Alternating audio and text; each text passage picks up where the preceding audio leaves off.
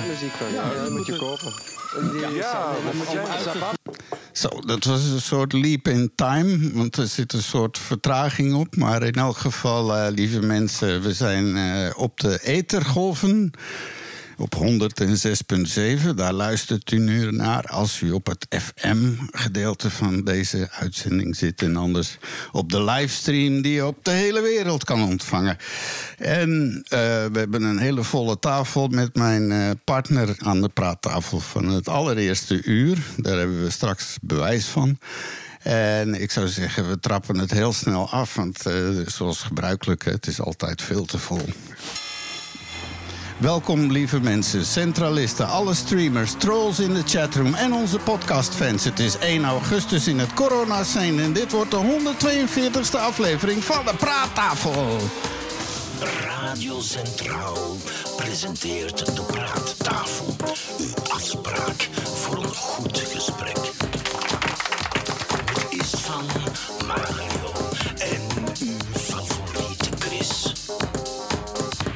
Zeker weten, welkom namens mij Istvan Lelussi. Met z'n allen met natte voeten hier in de kelderstudio. Want het regent en het regent en het regent. Maar de lucht is zo gezond dat ik me helemaal gezond voel. En helemaal diep durf ademhalen. En eh, weet ik veel wat allemaal. Ja, ja, ja, de luchtkwaliteit. Dus in elk geval voor mij eh, vanuit Oudbergen aan Antwerpen hartelijk welkom. En namens mij uit Rotterdam. Het is eindelijk weer een beetje droog. Het is best wel somber weer bij ons. Ik neem aan dat het in België niet anders is. Dus in een redelijk weggeregend Rotterdam eh, doe ik ook, ook ik de groeten. En eh, we gaan er een leuke uitzending van maken. En uw favoriete Chris is er vandaag ook bij. Ik heb gisteren het weerbericht gezien en ze zeiden dat vandaag het beste weer zou zijn van heel de week. Dus dat belooft. Maar we zijn erbij en, en we hebben het zonnig. Zon, zonnig. Zon, zonnig? Ja, zonnig. Ja, Is zonnig. van zonnig, hè? Ja, zeker. En ook een zonnig eh, item is mijn gast aan tafel, eh Philip Ozier. Welkom. Hallo iedereen. Zo, dat is even geleden. Veel te lang geleden, kan je wel zeggen eigenlijk. Dat is waar, dat is waar. Maar, eh, maar ja, zo komen alle dingen weer bij elkaar. Het zijn gewoon rivieren die even tijdelijk zo'n eigen ding en dan weer eh, We zo. jaren geleden samen aan de praattafel, hebben dat flink gedaan. Even uit elkaar. En eh, hier zijn we terug, ze. Zeker weten, het voelt enorm warm. En het is vandaag niet zomaar een dag, maar vandaag is een heel bijzondere dag, hè Chris? Want ik geloof het bijna niet, maar ik denk dat we in augustus zijn beland. Ja, van we zijn 1 augustus, kun je het geloven. De, de helft van de vakantie is weer al gedaan bijna. En, en dus 1 augustus is de 213e dag van het jaar, dus we moeten nog 152 dagen gaan tot het eind van het jaar. En, en er is inderdaad in het verleden op 1 augustus veel gebeurd. Bijvoorbeeld in 1793 is de eerste lengte van de meter, die wordt in Frankrijk wettelijk vastgelegd. Het was een meter.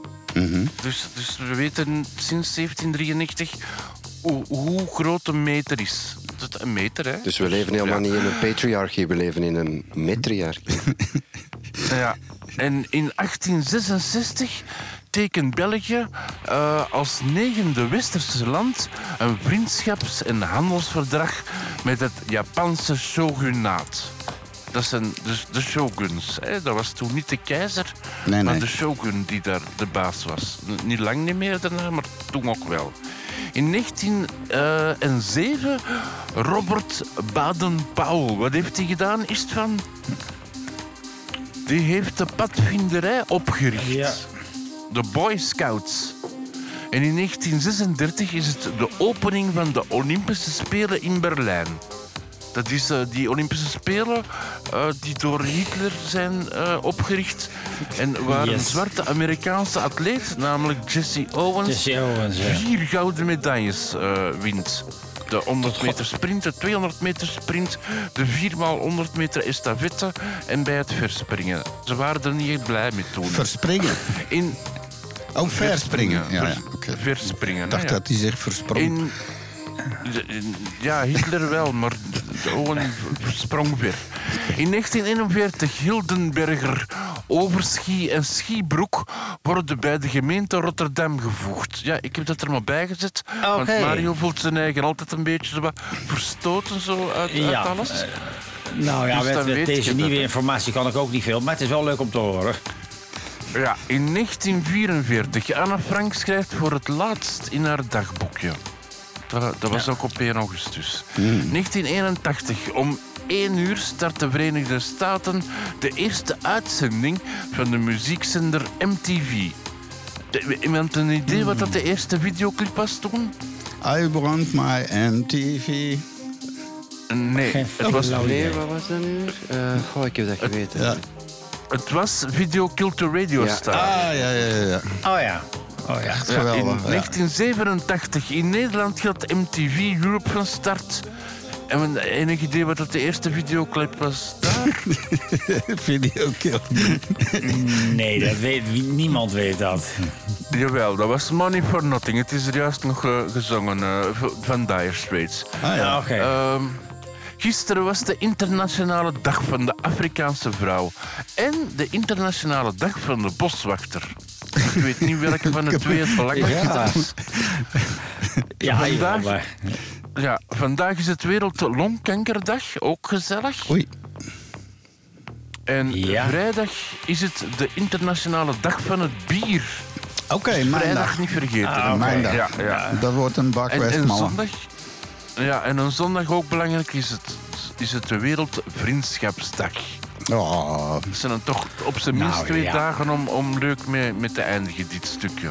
voilà, kijk, dat ja, was het. eh, Positief nieuws. Nou ja, oké, prima. Oké, nou dan, eh, dan gaan we er gewoon aan beginnen. Want we hebben een hoop te doen, lieve mensen. Dus eens even kijken waar. Oh, oh wacht. eh. Ja, zeg maar. Ja, ik heb al een eerste haiku eh, van Oh, deze. oh, een haiku. Haiku, shit, had ik die jingle moeten vinden. Ja. Maar, eh, maar goed, en, eh, Mario, gooi eens een haiku-sfeer op. Even heel haiku. Come on, Mario, goed er een haiku. Door de muziek heen. Ja, ja, Ja. gewoon. Nee, die is weg hoor. Er is, ik heb de Oh, regie die- even die is nu weg. gewaarschuwd. Die is ook wakker. Oh, Oké. De eerste haiku van vandaag. Jesse Owens wint. Hitler zag het gebeuren. Anne Frank schrijft niet meer. Nou, vroeger had, ik even moeten weten. Had ik de, de jingle erbij gehaald van met de koeien. Maar in elk geval, eh, het volk hier is enorm blij mee. Ja, dat hebben we ook gemist. Eh, jouw haiku's die waren van een andere wereld. Eh, aan tafel dus Filippo Zier. En dat is best wel eh, een beetje een eh, historisch moment. Want deze show ben ik samen met hem ooit begonnen. En dat was in een andere planeet. Dat was nog voor de corona. Dat was nog voor van alles. En ik heb daar hier wat bewijs van gevonden. En ik zou zeggen, wanneer dit gelanceerd is... dat was 30 september 2019. 19, eh, ja, ja. Dus we zijn nu vier jaar verder. Nog voor de 20s. Ja, en dat was nog voor de corona hè, enzovoort. En eh, zo klonk dat toen. Ik wens jou geen scheurbuik in ieder geval. Daar heb ik gehad, gaan we wel later over hebben. ik heb dat ooit gehad. Ik heb mijn rasvoet gehad, maar daar gaan we het later over hebben. ja, in de medische aflevering. Beste mensen, ja. eh, we zijn vertrokken. Het is 30 september en in Bergen is de Praattafel Podcast. Mijn naam is Istvan Lelossi. Ik ben in Bergen en ik ga vanavond een uurtje met u doorbrengen. Samen met mijn maat. Flippos hier, jawel, alias Ne- Knekelman, maar daarover later. En wij zitten in Antwerpen, vlak bij de haven. Goed zo. En vanuit het midden van eh, ja, U zit Antwerpen, mee aan Vlaanderen. Praattafel Podcast. Ja, dit soort professionele jingles moeten we nog een beetje mee leren werken, denk ik. Hè? Absoluut. En wacht tot we met onprofessionele jingles beginnen werken. Ja. Eh, wat vind je van de evolutie van de praattafel? Heb je het wat gevolgd? Ik probeer het wel te Of volgen, dat- ja, tuurlijk. En wat vind je dat we nu radio zijn en zo? Ja, daar verschoot ik wel ineens van. Zo, toch eigenlijk eh, dat eh, hè, het nieuwe medium podcast terugkeert naar het eh, in eh, 1920 uitgevonden medium radio maken. Ik vind dat wel leuk. Een eh, leuke eh, kruisbestuiving. Jazeker. En wat nog leuker is, omdat het live is, eh, zijn we ook interactief bezig. Dus ik moet nog even melden aan de mensen dat eh, wederom onze chatroom open is. En hoe kom je daar terecht? Dat is gewoon op onze website praattafel.be.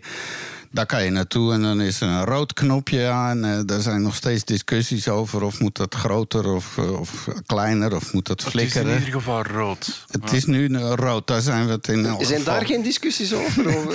Nee, nee, die hebben we ge- En afgesloten. is het wel rood voor iedereen?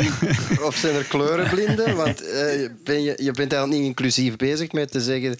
Met uit jouw kleurenbesef te zeggen dat het een rode knop is. Hè? Daardoor ga Zijn- je mensen Ja. tegen de borst stoten die kleurenblind zijn. Z- Zijn wij dan het ergste van coloristisch, Philippe- Ja, bezig? Chris, zeg eens. Het ergste van al is, ik, ik, ik doe dat dus live, doe op die, en dan zie ik dat ik helemaal alleen in die chatroom zit. Ja, maar Ja, ik kom ja, er nu ook het bij. De internet is heel eenzaam. Dat is de dode, de dode internettheorie. Ken je die? De dode internettheorie. Alles is nep op het internet. Ja, zo is dat. Oké, dat Het bestaat- nihilisme, ja. Ja, het is één grote computer die, die denkt dat wij een e-mail simulatie, krijgen. ja. Maar dat is al Een ja. simulaties. Dit wordt een interessante show. Ja, dus zo zijn we ooit begonnen in 2019. En eh, dan is er dus eh, ja, een, een heel vervelend event gebeurd met jou. Eh, een- Nee, dat was toen. Hè. Ik zat toen in een rolstoel, jongen. Oh, dat was al voor... Ja, eh, dat was eh, drie maanden ervoor. Oh, oké. Ja. Ja, oh, dat was het pijnlijke, want we hadden dat plan al heel lang We hadden dat heel lang en dan moesten we dat begraven omdat ik letterlijk niet de trap op kon. En mijn eh, apparatuur, mijn Mm. eh, micro en mijn computer staan eh, boven opgesteld. En ik lag in een hospitaalbed beneden. dus, eh, Ja, weet de dag dat ik, allee, de week dat ik uit dat bed mocht van de dokter, eh, ben ik naar boven gekropen en zijn wij begonnen. Ja, Ja. Zo, is dat gegaan. Hey, eh, ja, en dan hebben we de coronaperiode. Dan hebben we een soort versie gehad, wetenschap op woensdag. En daar Ja. kwam Mario aan boord. Absoluut. Ja, dat kan ik me nog goed herinneren. Het was een leuke tijd, Ja, absoluut. fantastisch. Ja, en een kleine, dat was ook heel vreemd om, wel tof om zoiets te kunnen doen. Want je, die coronatijd, ja, nu kan je dat haast niet meer herinneren. Van, het klinkt nu alweer zo bijna iets uit onze jeugd, dat we hier allemaal opgesloten In zaten in mijn tijd huis. moesten wij binnen blijven, want het was corona. ja. Ja, avondklokken en zo. Ja, dat waren heftige tijden. Ja, en zelfs overdag. Eerst in het begin echt die totale lockdown. En eh, je mocht alleen met je hond buiten en boodschappen doen. Dat was echt een totale lockdown eh, in het begin. Hè. Dat, eh, ja, want, Ja. eh, ja, want wij hoorden dan nog van, eh, van die. You know, the virus in our country is now uh, under control, but the panic is, uh, is more uh, dangerous than the virus itself. That was, that was totally uh, uh, fantastic English with uh, no uh, Flemish accent whatsoever. ja. En ze meenden het. Oh ja, blijft in uw kot. ja, Weet je ja, dat nog? Ja, ja, Heb je die? Heb je die? nee. Blijf in uw kot. Ik meen het. Ja. Ik meen het, hè? Ik meen het. Ik meen Blijf thuis. Ja. Ja. Ja. want? Smijt ze buiten als je een ziet met een snotneus. Dat was een goeie, hè? Is dat Magie de Blok? Ja, dat Ja, was magie. ja, magie, dat het was blok. ons blokje, blokje magie, ja. Eh, wat mij Nou, opvalt het is is... nou, een serieus blok, hè? Nu is Maggie niet meer de minister van Gezondheid, hè, maar heb je gezien... eh, de andere ministers van Gezondheid zijn ook allemaal zeer corpulente mensen. In de dat westerse landen. wat. Mm, ja. Dus Ik ja, dat dan wel begin vrij ik natuurlijk eigenlijk. Dan begin ik wat warm te worden. Dan, dan voel ik, dan voel ik de, de, de theorieën oprollen in mij. Waar, waarom, waarom, voor heeft mij het, dan. waarom heeft het Westen zo extreem gekozen voor... En ik bedoel, Ma- Magie het Blok is, is nu niet een gezet persoon, maar is een, een obese persoon. Dat mag je toch wel stellen. Ja, ja. Dat is obesitas. Ja, ja. Die, die, Hé, we, we, dat is we- echt- we moeten normaal zijn. Hè. We- Bodybuild, we zijn allemaal verschillend gebouwd. Dat absoluut. sowieso. Maar dan is er een bepaalde limiet. Ik zal zeggen, ik vind dat een natuurlijke limiet. hè. Dus als je, als je zou leven zoals we 50.000 jaar geleden de mensheid leefde, in een bos en je moet hout hakken en je moet leven en je moet, je moet overleven, dan is het onmogelijk om 150 kilo te wegen. Ja, nee, dat is ook zo. Heb je Ja, eh, nee, er is een heel mooie foto van. eh, hè, ehm, de- vroeger was er zo in, eh, in Amerika zo de Freak Show.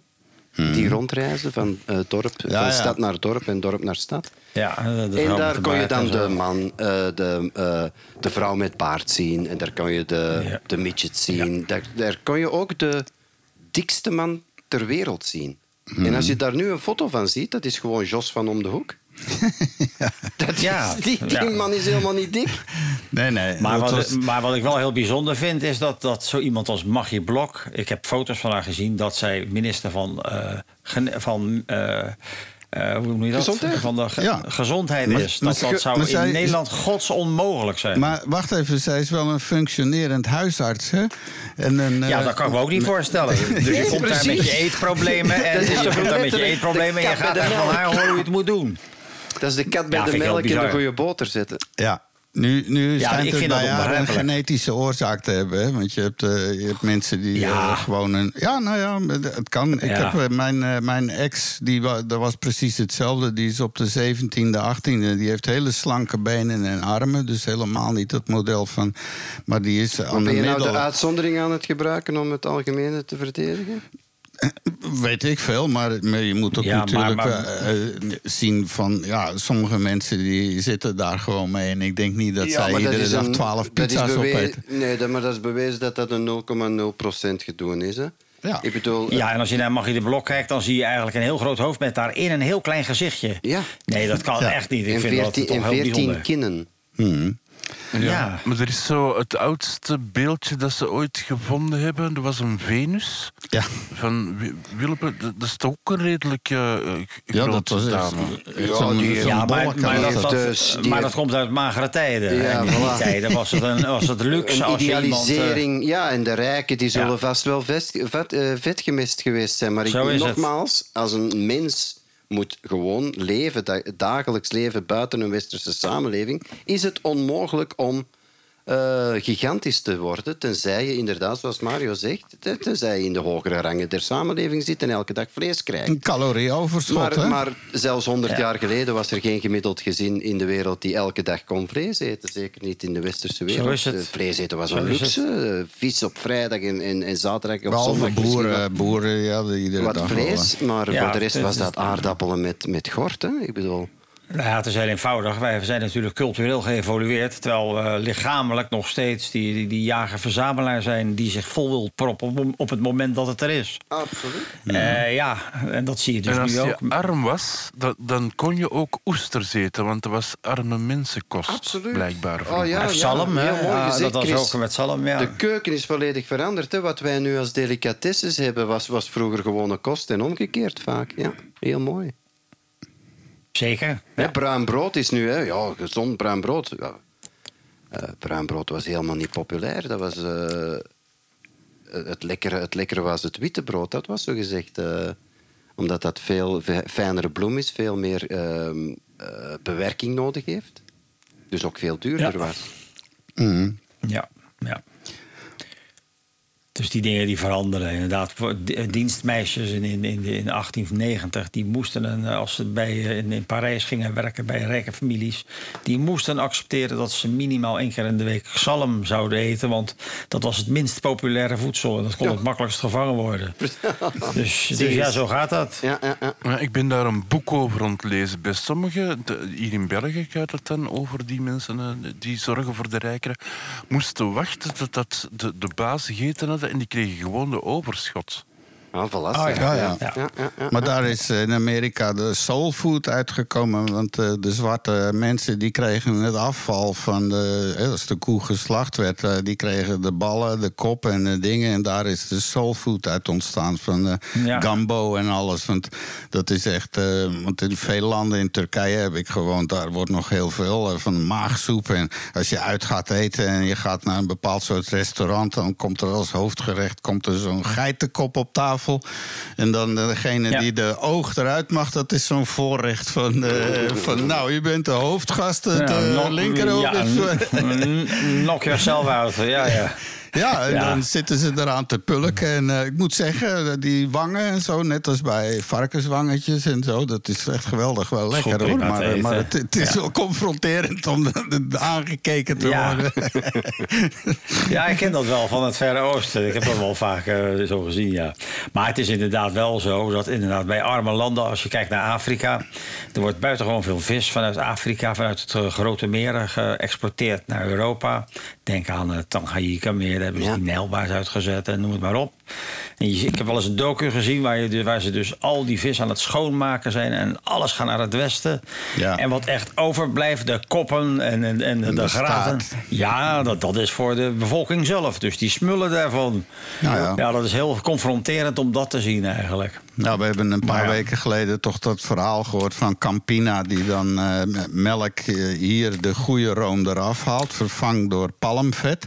En dat voor een paar stuivers naar, eh, Naar Nigeria stuurt... of een van die landen en daar verkoopt voor een kwartje. En die mannen die kunnen melk niet kwijt... eh, omdat het veel te duur is enzovoort. Dus eh, dat is gewoon zoals, Ja. eh, zoals het werkt. En dat is allemaal gesubsidieerd, hè? E EU. Natuurlijk. En wij storten de melk in de is Noordzee omdat eh, anders de prijs te laag is. Ja, ja of we, we dumpen het op op een lokale markt ergens in een derde wereldland... Ja. zodat we daar de boeren eruit concurreren. Oh ja, ook. Ja. Ja, dat, is heel triest. Ja. Dus die, die, die landbouwsubsidies, dat is eigenlijk de, de, de keutel die, die dwars zit. Maar goed, Mhm. het is geen eerlijke wereld. Heel die voedselketen, hè, ja. Ja, over We zijn al heel positief bezig, vind ik vandaag. Ja, dat is het slechte nieuws. Oh nee, we zouden goed nieuws... Ja, oké. nee, dat komt aan het eind, eh, komt aan het eind Ja, van de maar in show. de jaren 70 zongen er eh, Hollandse zangers al dat de wereld om zeep was. Hè. Dus eh laat, ons dat, Ja. laat ons dat gewoon aanvaarden. Ja, dat was gewoon visionair En even een, een koffietje nemen en, en, en aanschouwen hoe de wereld Ja. naar de Ja. Filistijnen gaat. Nog even melden, lieve Ja. mensen. Kom naar praattafel.be slash chat. Of eh, op het rode knopje op praattafel.be. En schuif aan, want straks om 12 uur is er natuurlijk de grote trivia quiz. Met de, Ja. uit de oude doos van... Of heb je nu wat anders intussen? Vintage. Oh, vintage. Vintage, Vintage, vragen. ja. Ja. Vintage vragen. Zo moet je zo eerst afstoffen. En het scoringspercentage wil nog niet echt omhoog, maar het is de laatste tijd wat beter aan het. eh, wat we hebben geleerd van eh, Peter Thiessen, dat eh, bij een quiz, als je die maakt en de vragen die je gaat stellen, eh, 80% zou eigenlijk door iedereen goed gedaan moeten kunnen. Een Een beetje, zoals een leerkracht zijn toetsen moet opstellen. Ja, is Ah, dat zo? Oh ja, je mag ook. Het is een slechte toets als je je volledige klas van 25 jongeren buist. Ja, dat is niet meer de schuld van die jongeren natuurlijk. Hè? Dan moet je natuurlijk wel even naar jezelf kijken. Maar als iedereen een 10 haalt op je toets, dan heb je een te gemakkelijke. Dus als leraar moet je ook ergens, eigenlijk bijna statistisch, moeten er mensen zijn die een onvoldoende zullen halen en moeten er sommigen richting 9 of 10 op 10 zijn. Ja, bijvoorbeeld één ding eh, wat ik ook nog wel eens eh, zou terug willen horen, wat je geniaal deed. En dat, beg- dat begon echt iets te worden. Want zelfs eh, mijn vrouw zei van, als ik nu naar het laatste nieuws ga, dan begin ik eh, dingen net zo te lezen als jij. dat was- De praattafel levert commentaar op commentaar. Holy moly. Levert commentaar op commentaar. Ja, en dan eh, nam jij een eh, artikel uit het laatste nieuws of zo. en in de, in de grochten van de onderbuik eh, commentaren op de, ja, op, het, op de hot items. Ja, dat was, dat was een van de. Ik denk dat dat een favoriet item van me was. Want eh, ja, jij leeft nu. Je kreeg ineens, je gaf gewoon die mensen een ziel en een stem die daar hun, hun onzin onder een artikel staken en zo. Dus Er is zo'n tv-programma geweest eh, in Vlaanderen, ik weet niet of dat het nog... eh, daar gaat er zo'n camerateam zo naar mensen de, aan de deur. Mensen die zo van die hatelijke of, of toch eh, extreme posts gemaakt. Ze- dat- Oh. dat, team gaat zo gezegd op zoek naar die mensen. Ik weet niet wat, wat er allemaal van gefaked is en wat er echt is, want eh, ne- 99% van die reality shows zijn volledig uitgeschreven door een divers eh, samengesteld team ergens Ah, ja. in de schrijftafel natuurlijk. Hè? Aan de schrijftafel. Maar goed, eh, en, en het concept van dat programma... eh, oh, eh, is dat ze dus die mensen gaan zo van goeiedag, eh dag Maria uit Londerzeel. Hè, u hebt op het laatste nieuws op dat artikel over bijvoorbeeld Sandadia, de, de zaak, heb, je- heb je dat gezegd? Waarom zeg je dat? Hè? Dat is, oh, ik wou dat niet, ja. En dan zijn er zo spijtbetuigingen van die mensen. Er zijn ook reacties van nee, ik wil niks zeggen natuurlijk. Maar Ja, ja, ja. Ik, weet, ik weet dus niet in hoeverre, in hoeverre het genuine is. Dat is niet iets van Ja, Luc sorry dat ik even stoor. Een, een technische opmerking is van... Ik vind dat Filip nogal te, eh, ehm, eh, te zacht is in, in sterkte van zijn micro. Ah, oké. Nou, dan geven we er gewoon een paar dB bij. Joh. Dus ik- Voilà. ik, geef even een knikje naar de techniek. Ja, we gaan het proberen. We gaan eens kijken. We'll pump it up. En dat is zeker ook naar jullie toe dan. Oké, dan moet ik even hier. Oh, Oké. En dan... eh, ja, ja. Check, Testing, one, two, check. Nu ben ik toch niet te luid, hoop ik. Check, Nee, one. dat is super zo. Ah, wel, dankjewel, Prima. Chris. Wat Ja. een soundcheck allemaal niet voor eh, nut kan hebben. Hè? Eh, en ik zelf, Zo ja, ik zelf zit goed. Hè? Ja, ja. Ja, je bent inderdaad wel weer eh, uniek aanwezig. Ja, zeker. hey, eh, wat lees ik nou? Eh, losse zwemshorts gaan ze meer en meer plekken verbieden. eh, lees ik dan in de Telegraaf. Uiteindelijk. het is gedaan met de vrijheid van de mannenballen. Dat was ook het grootste probleem dat veel mannen hadden. Van ja, als je groot geschapen zit, Ja. dan zie je dat ook direct. Ja. En je hebt die vrijheid niet meer. En dat dan was loop zo je er zo in een probleem. speedo met een bult. En dan gaan Ja, we het volgende krijgen. Eh, eh, vrouwen nemen aanstoot aan de mannenbult. Dat Maar gaat ja. nu het volgende zijn. Dan een, een van de ridiculous, een van de onzin Bizar. onderwerpen is dat eh, bijvoorbeeld, ja, ze claimen dat het voor de reinheid van het water is. Want wat er gebeurt met zo'n eh, lang short, zit je in dat gras en je doet van alles. En dan spring je in het zwembad. Maar je zit ook in het gras met een speedo. Het is niet dat je omdat je een speedo aan hebt, dat je niet in het gras gaat zitten. Dat blijft dan misschien wat minder Ja. aan hangen. Maar ik zie dat. De enige eh, oplossing is altijd gras eh, met, eh, met DDT bewe- bewerken, dat dat weg is. En tegels leggen, hè, zoals de rest van Vlaanderen. precies. Alles betegelen. Ja. Ja, en dan. Ja, dit was trouwens gisteren op het VTM Nieuws een item ook. En daar gingen ze dan in zo'n indoor zwembad eh, eh, filmen. En daar zei de eigenaars, ja weet je, met zo'n losse eh, short, er zitten zakken in. Dus er kan van alles in die zakken zitten. En het is ook gevaarlijk. Je blijft overal aan hangen. Nou, ik denk zelf dat dit gewoon een actie is van de zwembroekindustrie. Die genereren omzet. en heeft iedereen zo'n ding, Meneer en dan gaan we mevrouw het weer terugdraaien. zitten hier achter. Ja, ja, en dan moet je Ja. daar... Maar wat er nu gebeurt is, dus mensen komen uit in zo'n buitenpark... en die willen binnen, die hebben hun ticket al tevoren gekocht... en dan eh, worden ze gedwongen om daar zo'n broekje voor 40 euro in die winkel... want dat is allemaal drie keer zo duur daar natuurlijk. Dus ja, de- de- de- ja, wordt het hele leven niet langzaam eh, ondenkbaar... zonder dat je alles wat je doet even Kun je niet gewoon en- terug naakt zwemmen? Nee, ja, dat Waarom is- heb je eigenlijk kleren nodig om te zwemmen? Ik heb dat nooit begrepen. Goeie vraag. Nee, eh, Dat is de de- absurditeit van de mensheid. We kleden ons Ja. om We zijn uit het eh, Eden geschopt, uit het paradijs geschopt... door dat gedoe met die slang en die appel. En sindsdien kennen we schaamte. Ja, maar het is erger en erger aan het worden. Bijvoorbeeld, hè, eh, nog maar eens om over een school te beginnen. Er, er, wordt nooit, eh, er wordt door jongeren ook niet meer naakt gedoucht, bijvoorbeeld. Niet dat ik dat Nee, wil propageren, maar, Maar doe- dat- douchen doe je naakt. Ja, maar het is wel zo dat, dat in Nederland was dat ook in al iedere voetbalclub. Club, eh, ook ik heb in heel het- mijn aan- leven tussen de venten. Ja, dat, had, dat was het, eh, Dat was heel gebruikelijk werd in over Nederland. na- nagedacht. Er, Ja. er was niks seksueel aan. Dat is douchen, for Christ's sake. Dat is hygiëne. En, Alleen en- het, is, alleen het is nu wel zo dat er dus inderdaad... eh, we hebben natuurlijk nu ook eh, niet-Europese immigranten... die steeds meer zeg maar, toegang hebben tot sport. Dat vermengt zich. En die hebben een, Mhm. Ja, het toch wel komt, een andere cultuur- opvatting daarover. Cultuurklasje, hè, absoluut. Mag ik een kleine anekdote? Ik was... eh, eh, hoe oud was ik? Was net voor ik naar de universiteit ging. Dus ik mo- moet 17, 18 zijn geweest. En ik ging met mijn beste vriend. Hij had een vriendinnetje, een pennenvriendinnetje in Denemarken. Dit is natuurlijk... Ik spreek hier over de jaren 80, hè, pre-internet, pre-alles. Eh, hij wilde zijn eh, liefje gaan opzoeken en ik mee met hem. eh, kreeg de toestemming van mijn ouders, gelukkig maar. Dus wij met Interrail richting Denemarken. Hè. Heel Duitsland doorgereisd met de trein. Twee, twee van 17, 18 jaar. En ehm, uiteindelijk in Denemarken, we zijn daar, ehm, we vinden die familie. Die vonden het fantastisch dat we er waren. We hadden brieven geschreven, en aangekondigd dat we kwamen. Want toen werd dat zo gedaan, hè, brieven schrijven. Ja. Je moet, je moet er niet aan denken om internationaal te bellen in die tijd. Dat was gewoon ondenkbaar. En ehm, dus wij kwamen eraan en la la la. Het was heel mooi weer. Het was september. Het was vlak voor, voor ons academisch jaar begonnen in oktober. En ehm, anyway, een lang verhaal langer te maken. ehm, nodigt die familie ons uit in Denemarken. Hè, eh, nodigt die familie ons uit om te gaan zwemmen. Want het was een heel mooie dag toen we er waren. En wij, ja, we gaan wel mee zwemmen.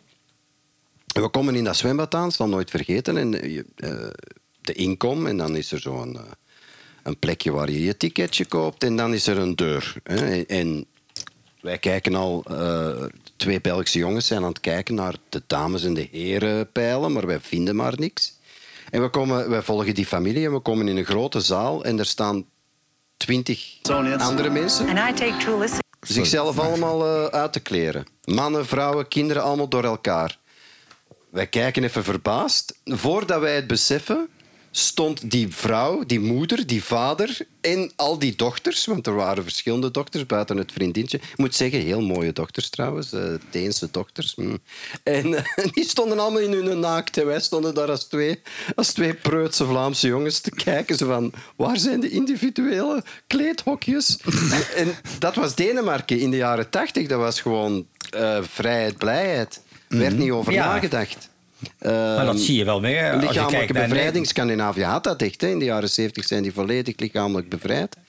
En geen schaamte over naaktheid. eh, en ook geen Nee. seksualisering van naaktheid. Naakt heeft niks met seks te maken. Naakt wil zeggen gewoon geen kleren Nou. aan. Maar voor een of andere reden is dat in de, in de mensen... Die Victoriaanse preutsheid blijven hangen bij heel veel eh, culturen. En ook Nou, wat je wel ziet, en dat heb je ook in Nederland gehad. eh, in, in de jaren 70 zag je overal op het strand dames die topless eh, aan het zonnen waren. Dat zie je dus nu ook niet meer. Dat, dat is nou dan. Dus, en dat heeft volgens mij alles te maken met de vele culturele verschillen die er nu zijn. Eh, De preutsheid is weer terug eigenlijk. En, dat, en wij hebben wel nog steeds eh, naaktstranden. En, daar, en als je daar langs loopt, dan valt het me wel op dat dat eh diehard eh, eh, links georiënteerde gezinnetjes zijn. En ook buitengewoon veel middelbare homoseksuele mannen die allemaal prominent zeg maar met de, de handen op de rug aan het wandelen zijn. dus ja, het, het is ook een beetje een seksualisering deels. Maar het is ook die, die teruggekomen preutsheid die, die de boel heeft. eh, die, die maakbare samenleving van de jaren 60, die hebben we gewoon niet meer. Nee, nee. En dat is jammer. Maar het is nu ook eh, toegang tot porno is maar twee klikken weg. Hè? Dus die jeugd die krijgt helemaal geen voorlichting meer over. Die, een, een voorlichting is zo'n eh, ik pak er in de reet en eh, bang, bang, bang en shut up bitch en weet ik veel wat. Dat is tegenwoordig hun beeld van... Want dat was toevallig een artikel ook weer in de Times... dat eh, psychologen nu eh, een stijgende vraag krijgen... bij koppels die het moeilijk hebben. En als ze dan eh, dus met de mensen apart spreken... en vaak de man, waarom ben je dan eigenlijk samengekomen? Ja, dan blijkt dus zelden maar dat het liefde was... als dus seksuele aantrekkingskracht. Want daarom belanden ze bij de psychologen... omdat het seks niet werkt en zo... en ik ben niet meer verliefd. En het blijkt 9 van de 10 keer zeggen ze... ja, ze is een goede moeder voor mijn toekomstige kinderen. Ja, het is een goede partner voor mijn huishouden. Ja, het is een dit en dat. En, maar de seksuele klik, wat eigenlijk waar het mee begint normaal... als je iemand ziet en een relatie hebt... dan is er altijd iets van wow... Dat eh, slaan ze over, dus op een meer pragmatische manier. Dat is nu aan de hand gewoon. eh. Ja, het verbaast me niets. Kijk, eh, ik- ja, het, het is eigenlijk van alle tijden. Maar ook in de jaren 50 met die, al die gezinnetjes was er was natuurlijk ook vaak niet al te veel eh, liefde aanwezig. Nee, je nee, hebt nog steeds hele culturen waar... waar een hele ja, je hebt nog steeds hele culturen ja, waar, waar, waar dus huwelijken dienen om de status van de familie te verhogen. Hmm. Ja, dan, heb je, dan heeft eh, liefde er helemaal niks mee van doen. Nee, nee. Hey, eh, Ja, ik wou even melden is van dat er momenteel twee Jeromen in de chatkamer zitten. Oh, oh ja, ik was even afgeleid. Oh, kijk eens aan. Is dat, oh, kijk eens. Ja, Hebben ze het rode knopje gevonden? Nou, welkom. Een grote is de. Oh ja, een grote factor, zegt hij, waarom de jeugd gekleed doucht, is de smartphone. Dit is allemaal in de praattafel, mensen. Het enige interactieve programma Nou, op Radio eh. Centraal. Eh, dus ja, Ja, dat is heel goed dat je dat zegt, Jeroen. Bedankt voor het eh, het melden. Maar dat is ook zo, want die smartphone heeft alles veranderd. Want eh, en nu, wat ik wel een goede ontwikkeling vind... er zijn nu meer en meer clubs en nachtclubs en discotheken... waar de phone niet meer mee naar binnen mag. Ja, ja. In, eh, in Frankrijk is er een volledig gsm-verbod voor jongeren op, op middelbare scholen uitgevaardigd. Op, op, op de Franse openbare Ja. scholen. Maar nu dat is ook zo in- in cl- in clubs en dat en nu soort zijn ze ook in, Vlaams, on- in het Vlaams onderwijs zijn er verschillende scholen nu eh, ook eh, programma's aan te proberen uit te werken. Heet dat dan heel mooi, om, eh, om die gsm te verbieden. Ja, ja. En, en, en als actieve leraar in het Vlaams onderwijs kan ik, met, kan ik stellig zeggen dat het een absolute pest is. Jongeren die... Je zit met 25 jongeren in de klas en je bent eigenlijk op 50 minuten, bijna 10 minuten, 15 minuten van de les kwijt. Door opmerking, eh, opmerkingen te maken van persoon X kan je alsjeblieft je telefoon weg, wegsteken. En dan gaan die in die discussie, waarom mag ik niet tellen? Mijn moeder gaat bellen. En je kan het niet zo gek bedenken. en dan zeg je als leerkracht, je moeder mag niet bellen, die moet het secretariaat bellen. Ja, maar mijn moeder, want mijn oma is ziek. En Ja, ja, Het is eindeloos gediscussieerd en eigenlijk allemaal te gevolgen van die onnozele gsm natuurlijk. Ja, dat is Ja, maar het heeft de niet wereld alleen, veranderd. Ja, dat niet alleen. Hè. Ik bedoel, de kinderen worden naar school gebracht. Dat begint al mee in die auto te zitten. Die hebben airbags van voor, links, rechts, veiligheidsriemen. Dat had ik als kind allemaal niet. Nee, ik had niet. geen veiligheidsriem, ik had geen airbags. Weet je wat ik wel had? Assenbakken. Ja. een assenbak voor me, één opzij, Ja. één rechts. Dan ging er nog een leuning naar beneden. Er zat ook een assenbak in. assenbak, ja. Had ik als kind in, de auto. En twee rokende volwassenen Waar- voor je. Het enige waar je dat hier in Antwerpen nog ziet, zijn de Joodse mensen. Dan zie je nog zo groepjes van twee, drie kindjes. En, eentje van twee, drie jaar. En die zijn op weg naar school met hun rugzakjes. Geen Op- ouder in de buurt. Helemaal niks. Als er luisteraars zijn die leerkracht zijn, zullen ze mij beamen. Dus vroeger was er op school altijd een gevecht voor... Goh, ik wil helemaal geen toezicht doen in de refter, want als je toezicht had in de refter, dat is altijd ja, gehannes en, en lawaai. En, en nu vechten de leerkrachten om toezicht te doen in de refter natuurlijk, want ze zitten allemaal aan de telefoon op de middagpauze. Ja. Naast elkaar. Ze spreken niet meer, ze roepen niet meer, ze rennen niet meer, ze voetballen niet, ze werpen niet met, met eh, pennen, ze maken geen papieren vliegtuigjes. Ze zitten op de telefoon en letterlijk Ja. aan een ik persoon die vijf, vijf stoelen verder zit, daar sturen ze een sms'je naar, of een WhatsAppje naartoe. Ja, ik moet wel zeggen, ik moet wel zeggen in, in de metro en op verjaardagen en dergelijke is het een zegen. Het is De helemaal stil, rustig. Geen gekrijs, geen niks. Nee. Ah, ja, ja, ja. En dit typeert meteen Mario waar, waar, waar zijn waarden zitten. en Waar die van houdt.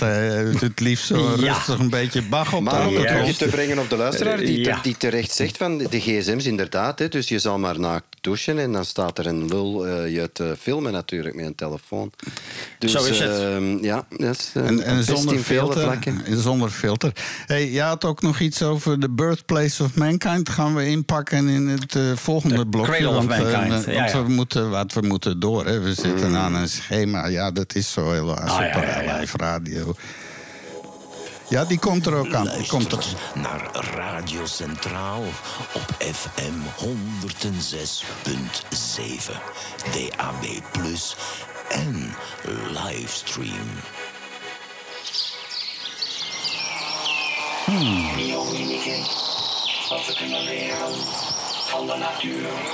Hey, Mario, wacht even. blijf nog even op Oh. pauze staan. Blijf nog even op pauze staan, want eh, De er is hier een... haiku van de week. Zo, komt hij aan. eh, er komt, ik, ja, dat is Ja, ik ook kan een het niet dier, laten. Ik, ook een moet na dier. elk blok schrijf ik een kleine haiku vandaag. Oké, wauw. Oké. Mario, piano. Oh, we mogen weer. Oké.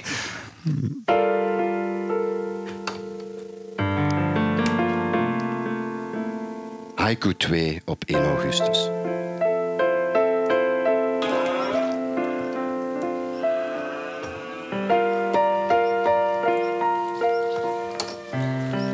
Kunnen we topless? Of moeten we weer preut zijn?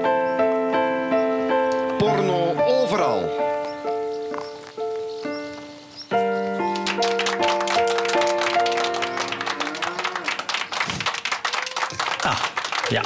Nog even. Ja, ja. Allemaal eh, live op Radio Centraal, lieve mensen. En dan, eh, Ja, is het van... Ik, ik heb een vraag. Dus de haiku. En je hebt eh, blijkbaar gekozen voor de koe als geluid en niet voor de haai. Nou, dat klopt. een Het is ook een, omdat er- deze koe is high. Die wordt high van, Ah. de, die wordt high van, En- Van Hollands gras. Het is een. Ja, En, en haaien maken ook niet, wij niet al te veel geluid. Die maken geen koeiengeladen. Nee, maar Überhaupt dan heb je niet. de laatste haaienfilm nog niet gezien. Die maakt enorm veel geluid. Maar dat is een andere Nee. zaak. Oh, dus is- zeg maar een soort giraf, zeg maar. Ja, ja. Ja, het is haai op zijn Engels, van H-I-G-H, en dan koe op zijn Nederlands. Dat is gewoon een soort eh, taalspel, weet je wel, spelen met begrippen. En maar nu gaan we ter- terug over naar biomimicry, door Mario. Allemaal oortjes open. Eh, allemaal tijd voor koffie. En eh, nu loopt over het algemeen Ik iedereen weg. Nu ga ik mijn verhaaltje houden. Ja, oké, oké. Nou, ik wilde het... eh, wat, wat kunnen we leren van de natuur? Ik kwam weer iets tegen. Ik wilde gaan hebben over de scheermessen. Scheermessen. Scheermessen, dat zijn niet alleen dingen waar je mee scheert... maar je hebt ook zeediertjes die zo heten. Eh, met name de Atlantische Ik weet niet hoe ze in België heten. Je kan ze eten.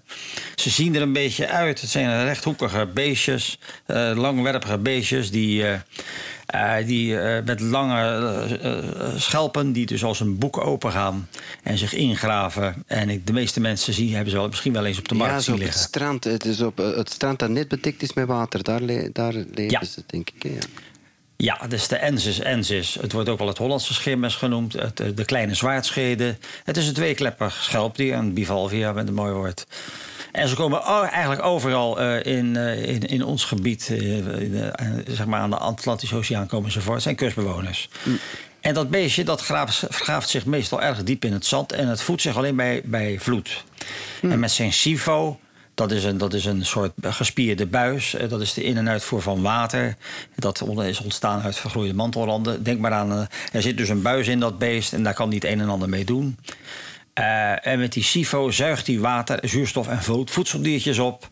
En hij heeft trilhaartjes aan de binnenkant zitten bij de kieven. En die, die brengen dat naar de mond en zo eet hij zich. En wat je dan wel eens ziet, als die, hij kan zich heel snel bij onraad terugtrekken. En dan zie je vaak ook zo'n eh, zo'n water, dan spuwt hij een, een klein beetje water uit. En dat kan je af en toe wel zien. Ik weet niet of een van jullie dat wel eens gezien hebt, heeft. Maar dat is wel heel grappig om te zien. Het zijn dus filtervloeders. voornamelijk plankton eigenlijk.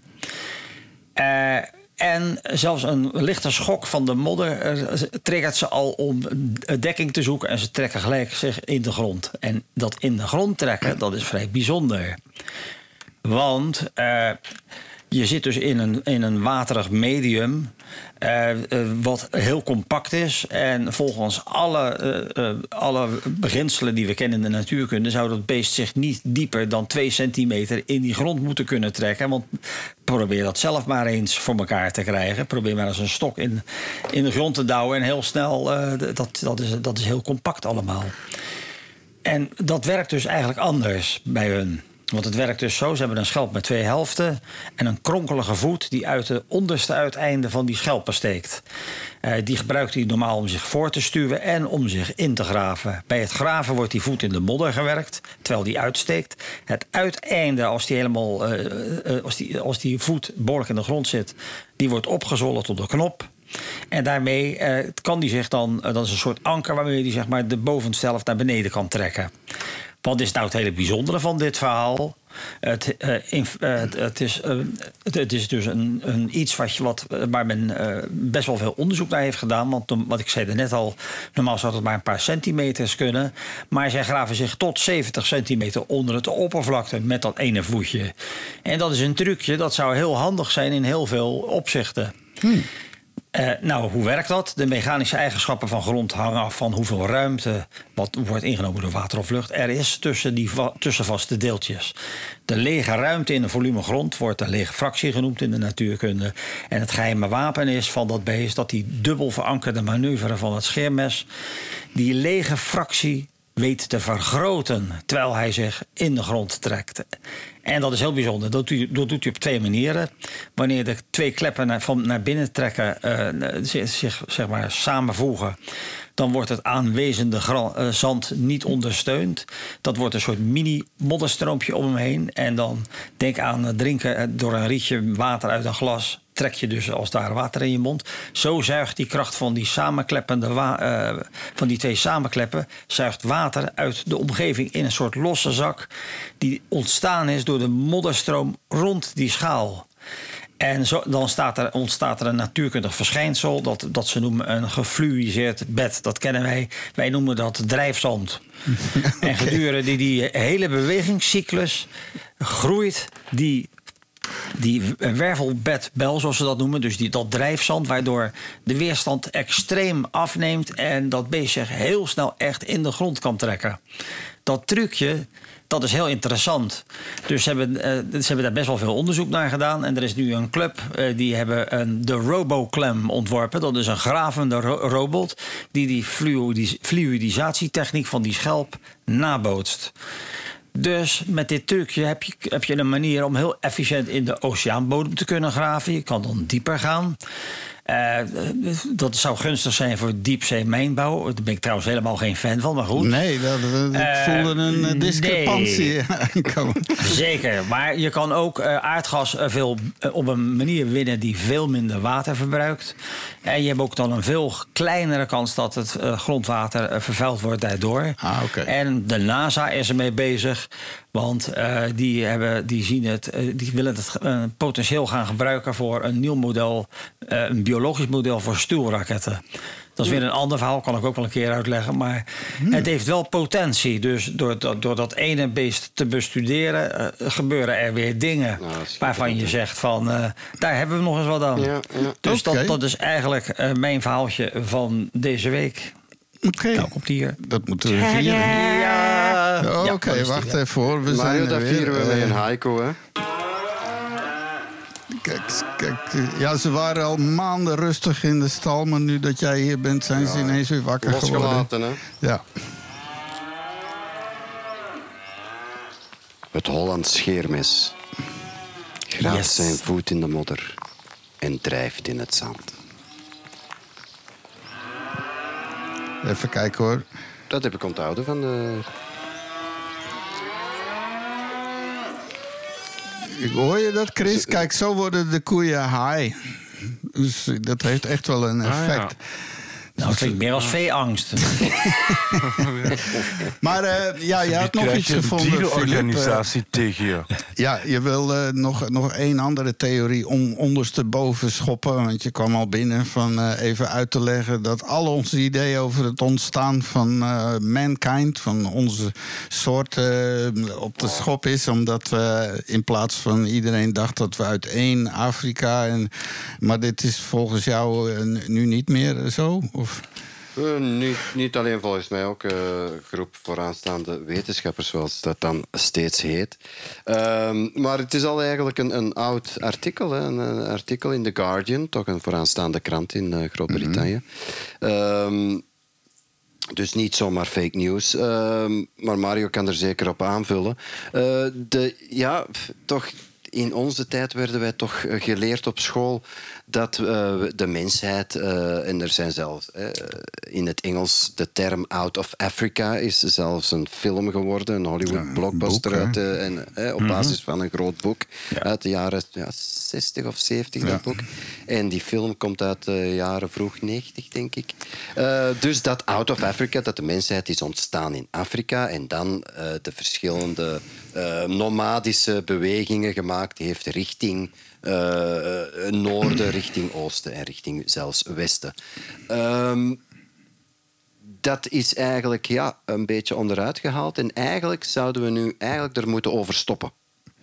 Ja, ik, ik heb hier het artikel bij. En eh, ze zeggen dus in plaats van dat het echt uit de één kernplek in Afrika kwam, stellen ze nu dat eh instead, die international team argue, de features, da- dat kwam van verschillende populaties, maar wel over het hele Afrikaanse continent. Dus die hebben daar heel lang allemaal ja, onder elkaar zitten. Maar we vinden dat ook in ons DNA terug. Heel interessant, Ik kan iedereen aanbevelen om zo eens een DNA-test te doen. Ik heb, ik heb die enkele jaren geleden gedaan. En eh, toen werd het duidelijk voor mijn vrouw eh, wat er met mij allemaal mis is. Want er is een behoorlijk percentage Neandertaal te vinden in mijn, in mijn DNA. Omdat, eh, ja, mijn... mijn zal ik zeggen, mijn Ja. DNA komt ook uit Centraal-Europa, Frankrijk. Ik ben, ik ben vooral Frans.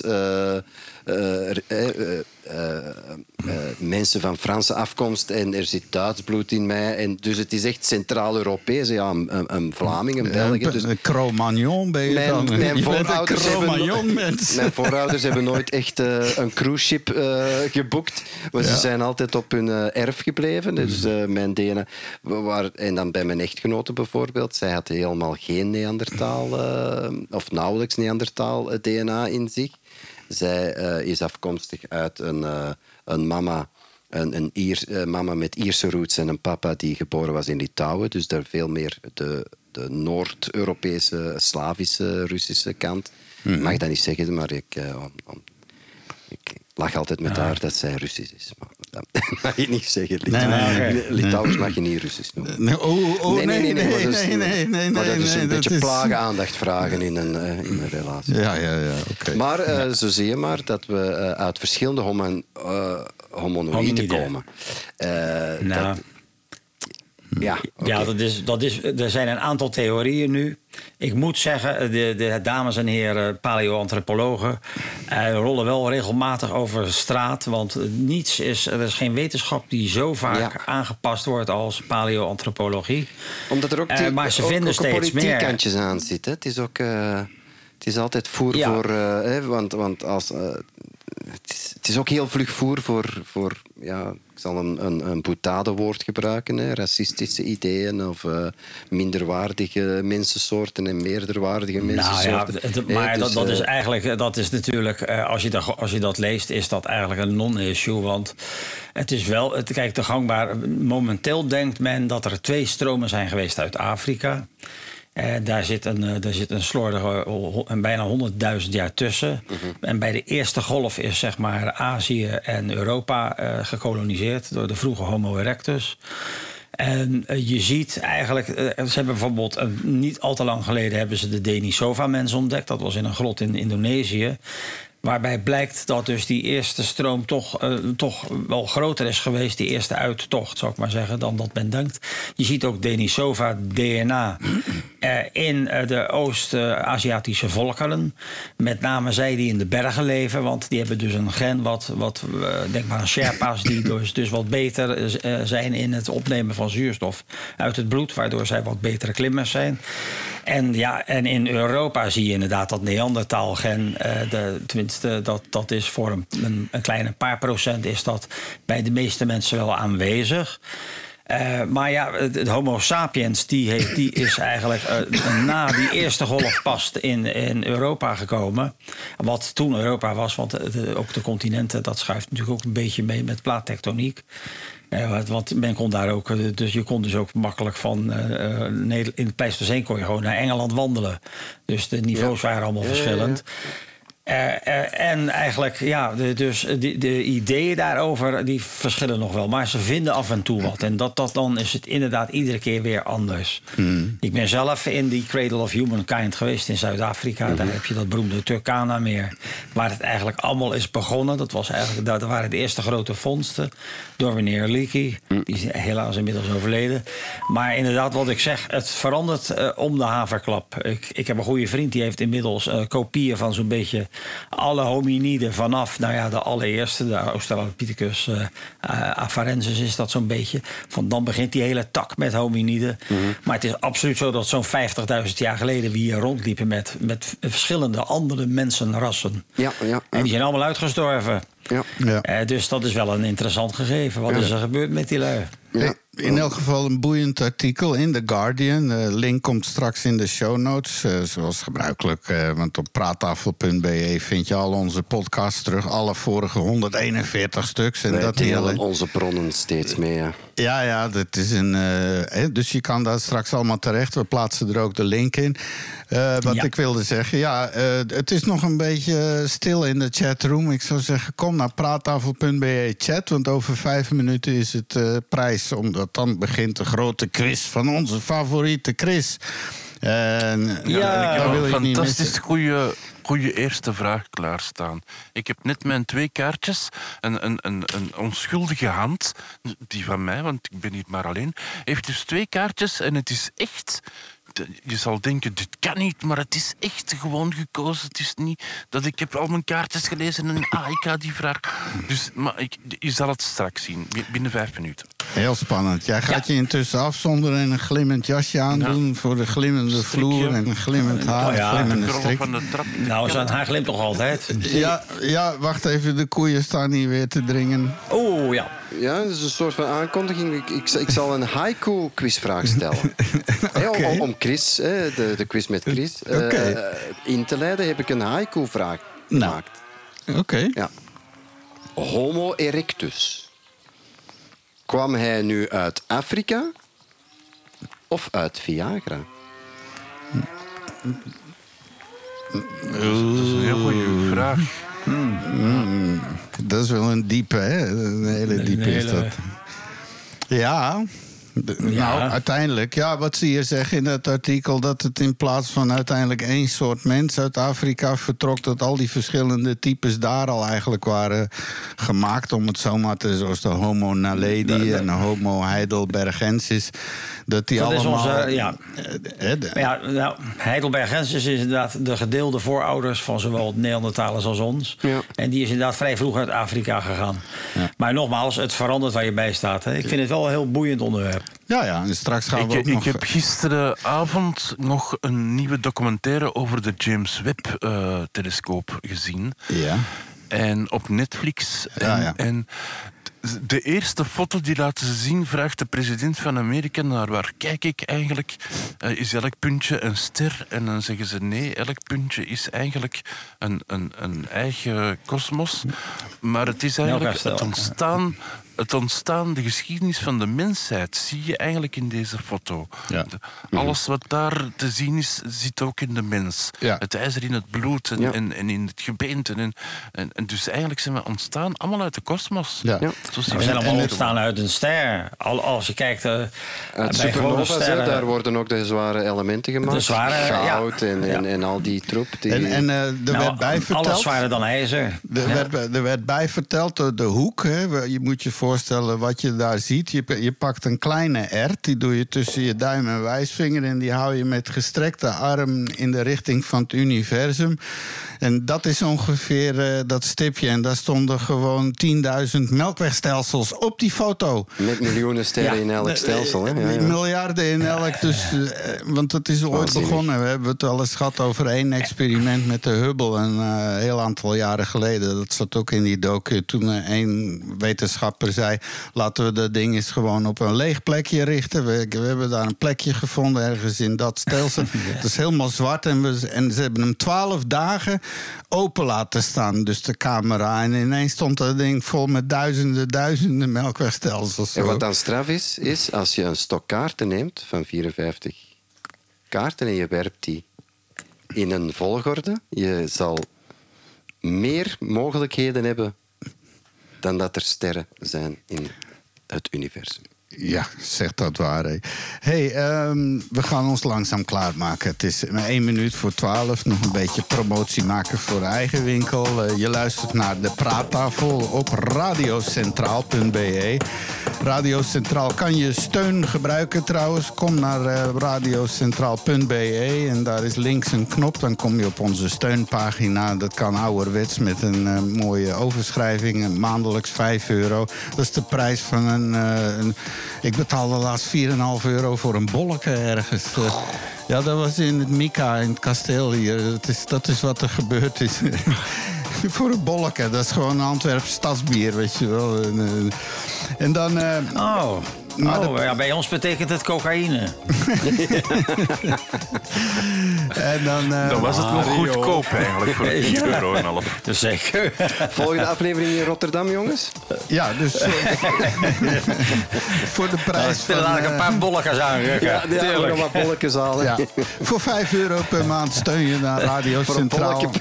En dat kan ook nog eh, via Patreon. Daar kun je patron worden. En dan is het heel makkelijk als je wat moderner bent met creditcard of PayPal en zo. En eh, uw steun wordt Dan enorm gewaardeerd. Digitaal in uw zakken zitten. Ja, steun de laatste vrije stem van eh, radio in de ether, mensen. Dat is wat je moet doen.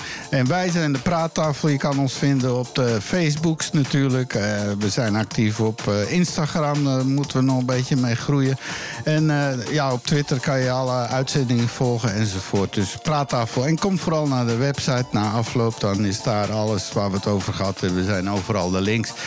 En eh, nu, nu gaan we over naar het volgende ri- ritueel. Want daar hebben we deze. even kijken hoor, waar is die nou gebleven? Ik heb alles vanmorgen veranderd. Oké, hier eh, even die muziek van Madonna weg. En dan is het tot 12 uur. En. Goedemiddag, wakkere praattafel podcastluisteraars op Radio Centraal. En welkom op de quiz van onze favoriete quiz. En voor vandaag hebben we weer een dozijn kakelverse boeiende vragen waar we graag ook antwoorden op zouden willen krijgen. En als het even kan, de juiste antwoorden, nietwaar? En u kunt dus ook meespelen, beste luisteraar, en antwoorden via onze praattafelchat op praattafel.be en op chat te drukken. Of je kan ook heel hard roepen, nietwaar?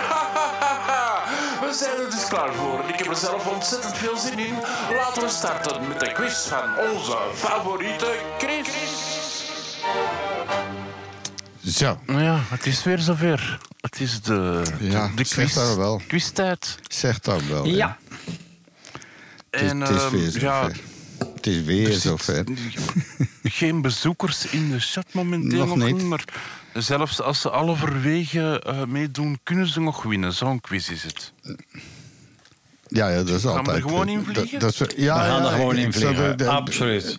Eh, Filip is onderweg naar de, naar de chatroom. Hij is, eh, ja, ik zei aan het eind van de straat linksaf. En dan eh, IP 147.58.21. Ah, dan kan het nog wel even duren. Hij zou Maar, er eh, moeten zijn. eh, Hij is bezig. Maar, eh, maar ja, die, je hebt me heel eh, nieuwsgierig gemaakt met dat teasertje over die eerste vraag. Dus ik ben er wel heel erg benieuwd naar. Vraag Oké. 1 dan, hè, is het? ah, oké. Ja. Vraag 1. En dan, En dan nu. vraag 1. Ja, vraag 1 komt gewoon out of the blue. Niemand weet waarom dat ik daarover begin, maar ik ga het gewoon doen. Ja. Welk werelddeel wordt beschouwd als de wieg van de mensheid? Ja. God, dat, is een nadenkertje. Dus het idee is dat je pas eh, op enter drukt en het antwoord doorstuurt als het wekkertje is afgelopen. Dus het Ja. wachtmuziekje. Nou, ik, zal het, ik zal het al een beetje verklappen. Volgens Trump is dat eh, het Noord-Amerikaanse deel. Waar dat alle aliens altijd landen. Eh, ja. Hé, dus miljarden sterrenstelsels, maar de aliens die landen altijd in Nevada. Ja, dat is ook zo. Ja, we is hebben gisteren Oppenheimer Absoluut. gezien. Oké, antwoorden. Ja, ja. Eh, bam, Mario zegt Afrika. Istvan zegt Afrika. Eh, Filip zegt Afrika? Ben jij nou ineens heel zacht geworden, Chris?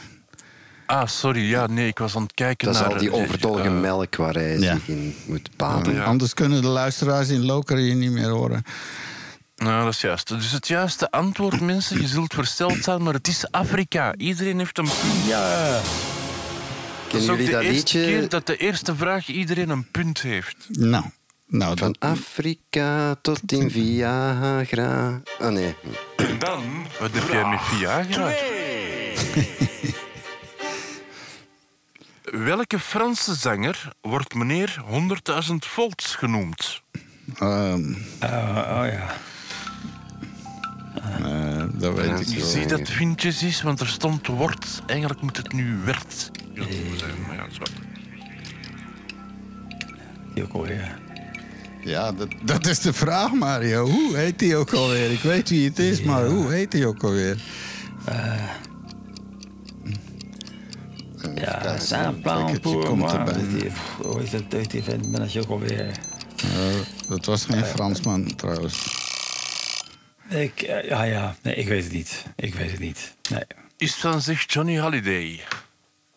En dat is het enigste antwoord. Dat was het plastic. Ah. be- Dat, dat die zocht ik, plastic. Maar ja, ik, Maar eh, dat was een Belg, trouwens. We zijn een Belg. Ja. Oh, ja, ja. nou, dan Het was was niet alleen een. Johnny. Holiday was een het is ook het. Ja, het, is niet alleen, het zijn niet alleen Belgen dan, maar het zijn ook de foute antwoorden, want Ja. het was Gilbert Bécaud. Ah, Beko. Ik wou Oh. eerst eh, Charles Aznavour zeggen, maar ja, dat is, was meer een, een zachtaardige zanger, toch? Hè? Ja, er zitten geen Meer een 10.000 chanson. volt. eh, Dat is niet voilà. Dat En dan zitten we al. Oh, oh, wacht even. Ja, ja. En dan zitten we al aan vraag 3. Ja. Ja, vraag 3. Welk historisch akkoord werd op 8-12-87 in Washington getekend tussen de VS en de USSR? Wanneer was dat nog eens, die datum? 8-12-87. Ah, ja, ja, ja. Eh, wachtmuziekje en dan moet Welk ik het antwoord akkoord? intypen. Ja. Oké, Hoe heet dat ding ook Ja. even? ik denk dat ik het heb. Het is ook een liedje van de Rolling Stones begint met dat. eh, Oh, nu verklap ik al te veel. hm.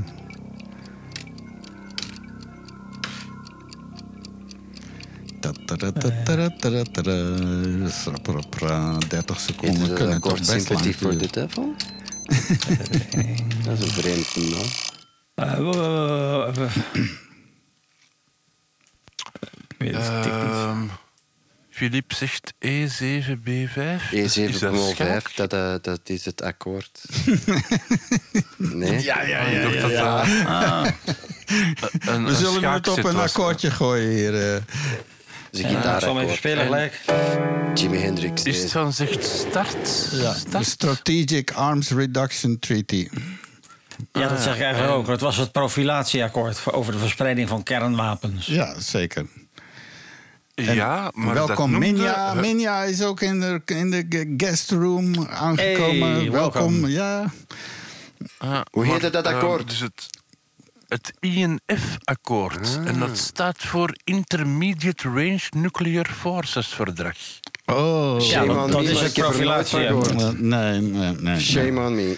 Nee, nee, nee. Ik, ik zou het op mijn t-shirt moeten hebben staan. En dan komen we bij vraag 4. Vraag 4 is een film, eh, of een klassieke vraag. Van welk wereldberoemde clown en filmer was de Ierse toneelschrijver Eugene O'Neill de schoonvader? ja. Hè? Oh, dat is een Ja, we makkelijke. hebben het altijd over makkelijke, ja. Maar, maar, Ja, maar ja. nu het is over schoonvader. Dat is goed dat het is over schoonvaders gaat. En eh, hij was een eh, van. En de, wat was zijn zoon? Een make schoonvaders great acteur. again. Ja, de filmmaker ook. Acteur, filmmaker. Oké. Ja. En ik kan al, het was zwart-wit en soms ook nog zonder geluid. Oh, wacht even. Zo lang Nou is ja. het geleden. Ik heb hem. Nou ja, ik zal het wel fout Ik heb hebben. Ik wou ook zeggen Chaplin, maar ik had eh, Orson Welles ingevuld en dat was fout, denk ik. Ja, het was inderdaad Charlie Chaplin. Dus Nee, heeft oké. gelijk en Mario heeft een puntje. Ja. Want ik had hem al voor je hint, want ik wist het al. Hmm. En we zitten al aan vraag 5. Vraag 5 is een, eh, Ah, ik krijg telefoon, ik kan dat even afzetten, maar wat ons... Ja, ik weet dingen tegelijk, dat gaan hè. Ben ik een man? Nou, ik heb daar geen moeite mee. Ik doe het de hele dag door. Nee, twee dingen. ik- Ik ik maak nu een radioprogramma. Hoewel en, pissen en eh, rechts staan kan ik ook. Dat zijn ook twee dingen. Ja, en ik kan pissen en een krant lezen. Dat gaat ook Oké, goed. de Ja, vraag, mensen. Ja. Wat ontstaat als men hydras of zoetwaterpolypen fijn stampt? Logisch zou zijn, ja, een fijn gestampte waterpolyp, maar dat is niet het antwoord. Nee, Nou, ja. nou, nou. Ehm, Nou, goh, dat gaat een waterpoliep. Wat zit Een daarin? hydra, dat is een wa- zoetwaterpolyp. Ja. Maar er zal Dat een stofje als een vrijkomen. steeltje met een aantal armpjes. Er zal een stof vrijkomen. Wat is dat, Mario? Wat, wat komt er dan vrij? Arsenicum? Nou, dat gaat... Ik ga nee, dat komt... ik doe Als je, noten, belletje als je noten maalt, komt er ook arsenicum vrij. Een bepaalde Nou, dit is heel bijzonder. Ik ga arsenicum Ja. zeggen. Ehm Istvan zegt pas. Ja. Filip zegt ar- arsenicum. En Mario heeft het enige echte juiste antwoord. Je krijgt nog meer hydras. Is dat gelijk kakkerlakken? Als je die, die trapt, komen er Ja, maar dat zijn kakkerlakken. omdat er eitjes op zitten. Ja. Maar het is echt een polypje. Het heeft een paar netelcelletjes. Ik heb ze ook wel eh, gekweekt in een dingetje. Het zijn interessante diertjes. Maar ja, je kan ze Wat hebben ze zo al te hakken zeggen, en- Mario? Waarover hebben ze het meestal? Eh, nou, eh, ik denk, eh, waar vind ik de meeste watervlooien? Want die eten ze erg graag. Ah, Ja, en welk deel wordt er beschouwd als eh, de wieg van de mensheid? Daar hebben ze het ook veel over. Ja, ja. De Uberhydra, die woont daar. Oh, wacht even. Dat doe ik We steeds. hebben het middenpunt bereikt met vraag 6. Vraag 6 is een sportvraag. Is Oh. Aston Villa, Aston Villa een Spaanse, een Italiaanse of een Engelse voetbalclub? Ja, vraag dat is een, dat is een inkoppertje. Letterlijk dan. Ik weet daar niet veel van. Voetballen, voetballen. Ik kan niet te weten. Ik, eh ik gok- mag ook meedoen hoor. Dus aan het eind van het muziekje druk je op enter, Ja. typ je antwoord in En Philippe wacht dan. en Mario heeft al geantwoord en Mimia ook. Dus dat is allemaal gedisqualificeerd, want ze zijn te vroeg. Ah, is dat... Iedereen heeft Iedereen het is gekwalificeerd. Is van, gaat nu de nee, kans... wacht even. Het was ik een binnenkoppertje. Maar wacht even, als producer, regisseur en directeur eh, eh, hef ik die regel nu even tijdelijk op. Dus dat Ah. is gewoon in de verwarring gegaan. Want anders, we moeten scoren met die quiz, Chris. Alright, en in dit geval krijgt iedereen een punt, want het is inderdaad een Engelse voetbalclub. Oké, nou. En jawel hoor, hier komt Ja, we hebben een tussenstand, hè? Oh, We hebben een tussenstand. ja, dat is Ja. waar. Ik ga weer te snel. Ja. We hebben een tussenstand. Minja heeft één puntje, maar die is er net bij. Maar Minja, sorry, je kan nog steeds winnen. hè? Zo'n show is het. Dan komt Istvan met twee juiste puntjes. Filip heeft er drie. En Mario staat aan de leiding met vier juiste antwoorden. Nou ja. En jawel hoor, hier komt vraag 7. Ja, dat is een aardrijkskundige vraag. Van welk land is Hobart de hoofdstad? Hobart eh, is... eh, ja, dat weet ik toevallig. Eh, ja, dat weet ik Hobart. toevallig. eh, ja. Hobart. ehm, Ja, het, een land. Ja, Een land. Het is niet echt een land. Oh Bart. Het zal weer een soort enclave zijn ergens. ja. Nee, nou, nee. nee. Ik ben daar bijna naartoe gegaan. Wat, eh, Shut Ja, up. maar je, je mag nog niet jeugd. antwoorden, hè? Is het van... hè? Nee, maar Je ik... mag nog niet antwoorden. Nee, maar ik antwoord niks. Maar ik zeg, ik geef, maak het alleen spannend. Want, eh, Niet ik- ik ben- voorzeggen? Ik ben daar Ja, bijna beland. Ja, Wanneer dat sanatorium, dat is wat anders, hè? Wanneer moeten we drukken? Ja, nu. Ik weet het niet. Is Ik dan zegt niet. Tasmania, en dat is het enigste antwoord dat die... Ah, nee. Is dan zegt, eh, eh, Philip zegt St. Patrick's en. Ik wist het niet. St. Patrick's and Knives, ja. Ik dacht, het is zo een van die kleine... kleine Mhm. eh, Wel, ehm Eilandstaatjes. Istvan heeft gelijk. Het Ja. is Tasmanië. En dat, dat wist ik, eh, dat wist ik. Want eh, toen ik nog... Oh, daar, eh, daar liggen jouw roots natuurlijk. Toen ik Vandaar nog- die neusgaten. Nee, er kwam ineens iemand via een buurgast in mijn leven... en die, die kwam daar vandaan en dat was toen heel avontuurlijk. Die, dat is Tasmanië. Was dat een nu, tijger? Nu, dat is, technisch is dat geen land, hè. Het is gewoon een stuk van Australië. Ja. Het, is, het is natuurlijk, daar kan ik even de jury Nou, op... eh, De Tasmaanse tijger, hè? Ik weet daar wel een leuke anekdote over. Eh, Tas, eh, de, op Tasmanië is officieel de Tasmaanse Aboriginal uitgestorven. Mhm. Dat is echt een ras dat door Homo sapiens zeg maar verwoest is. Ja. Het was een heel zielig verhaal. De laatste twee overlevenden dat waren mevrouw Trugiani en King Billy de Koning. Oh. Mevrouw Trugiani die hebben ze meegenomen en die is uiteindelijk eerst in een freakshow tentoongesteld omdat ze enorme schaamlippen en een enorme reet had. Is uiteindelijk terechtgekomen in, eh, eh, in eh, de prostitutie in Parijs. Daar praat ik over 1820 zo. En jij noemt van- dit en een van- leuke anekdote. Ja, dat anekdote. nou dat komt toch, dat komt Ja, toch. dat komt toch. King leuke Billy, anekdote. want King Billy die is dus overleden, King Billy. En van zijn scrotum hebben ze een tabakszak gemaakt. Ah ja, heel leuk. Ja. Dus dat laat even zien hoe we vroeger over eh, minderheden dachten. Het zegt ook veel over jou, Mario. Een Nou, ik heb zo'n tabakzak. Ik, ik weet niet of dat... Ja, beste horen vraag. Dat, dat is voor die asbakken in de auto van vroeger. ja. Ja, ja, het voelt ook zo zacht aan, dat ding. Eh, een filmvraag. Een filmvraag. filmvraag. Oei, oei, Wie was de regisseur en tweede hoofdrolspeler in Easy Rider? Ah, Oké. eh, Ja, hoe heet dat mannetje ook alweer? Ja, dat is hem. Ja. ja. is hem dat? Denk Ja, ik wel, dat is een, die film die heeft geweldig veel indruk op mij gemaakt toen ik hem zag. Vooral die laatste, Wat het die nou? eind Ja, ik weet. Ik, ja, ik het fout zeggen waarschijnlijk. Oh, ik weet het. eh, Ja, het Ik is ga er een voor vraagtekentje hele- achter zetten als het is mag. echt- Maar ik ga toch gokken. Een familie komt hè. eh, ik, ik, eh, ja, shit, ik weet het ook niet. Ik weet het ook niet. Is het in Nee, deze? ik- dat was Dennis Ah, Hopper. Ja, Verdomme. Inderdaad. Het was Dennis Is Hopper. het van, wist het Peter Fonda, Ja. maar dat was niet juist. Ah. Ehm, en, en de, wie Fort Mario Coppola? wist het niet. eh Fort Nee. was het ook niet. Nee, nee. het is Dennis inderdaad Hopper. Dennis Hopper. Ja. Minja Ja. heeft een puntje erbij. Ja, die gaat, die gaat gewoon winnen. Ja, die ze dweilt, ze dweilt ons eh, gewoon op, godverdorie. Zijn we al zover? Ja. Hier komt vraag 9. Het is een geschiedenisvraag. Waar, waar woonde de Habsburgische legeraanvoerder Prins de Lyon? Waar woonde die? Ja, nu... De, de straatnaam, dat weet ik niet meer. Ik vermoed dat het niet in Lyon is. Is het wel? Nou, ik ga het gewoon. Eh, ehm, Eh, wat zou ik nou eens waar woont antwoorden? hij? Ehm, Met mijn kennis van de geschiedenis. Waar Ja. woonde die? In zijn huis natuurlijk, ja. In zijn woning. ja. Takatatak.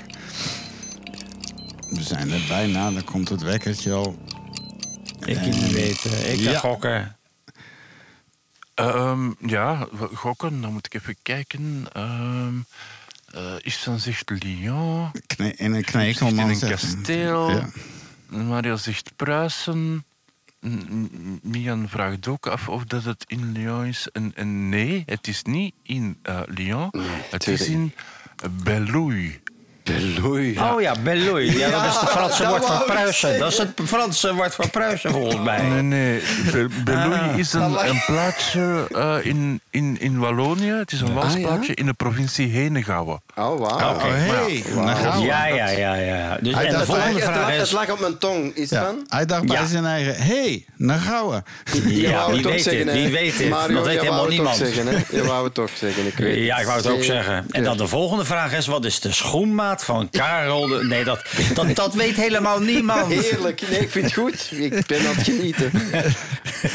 Ik had hem al een paar keer gehoord, maar nu zit ik, er- Nee. Komt vraag 10. nu zit ik er helemaal zelf in. In de quiz van Chris. Ja. Vraag 10. Allee. Welke Rick R. Oei. Rick R. Hè, is een bekend stripverhaalheld? Ah, Oh, nou, Daar heb ik al, ik heb Ik- al zijn platen. Ik heb al zijn platen. Goh. Ik ken niemand met R. En de mooiste auto van alle...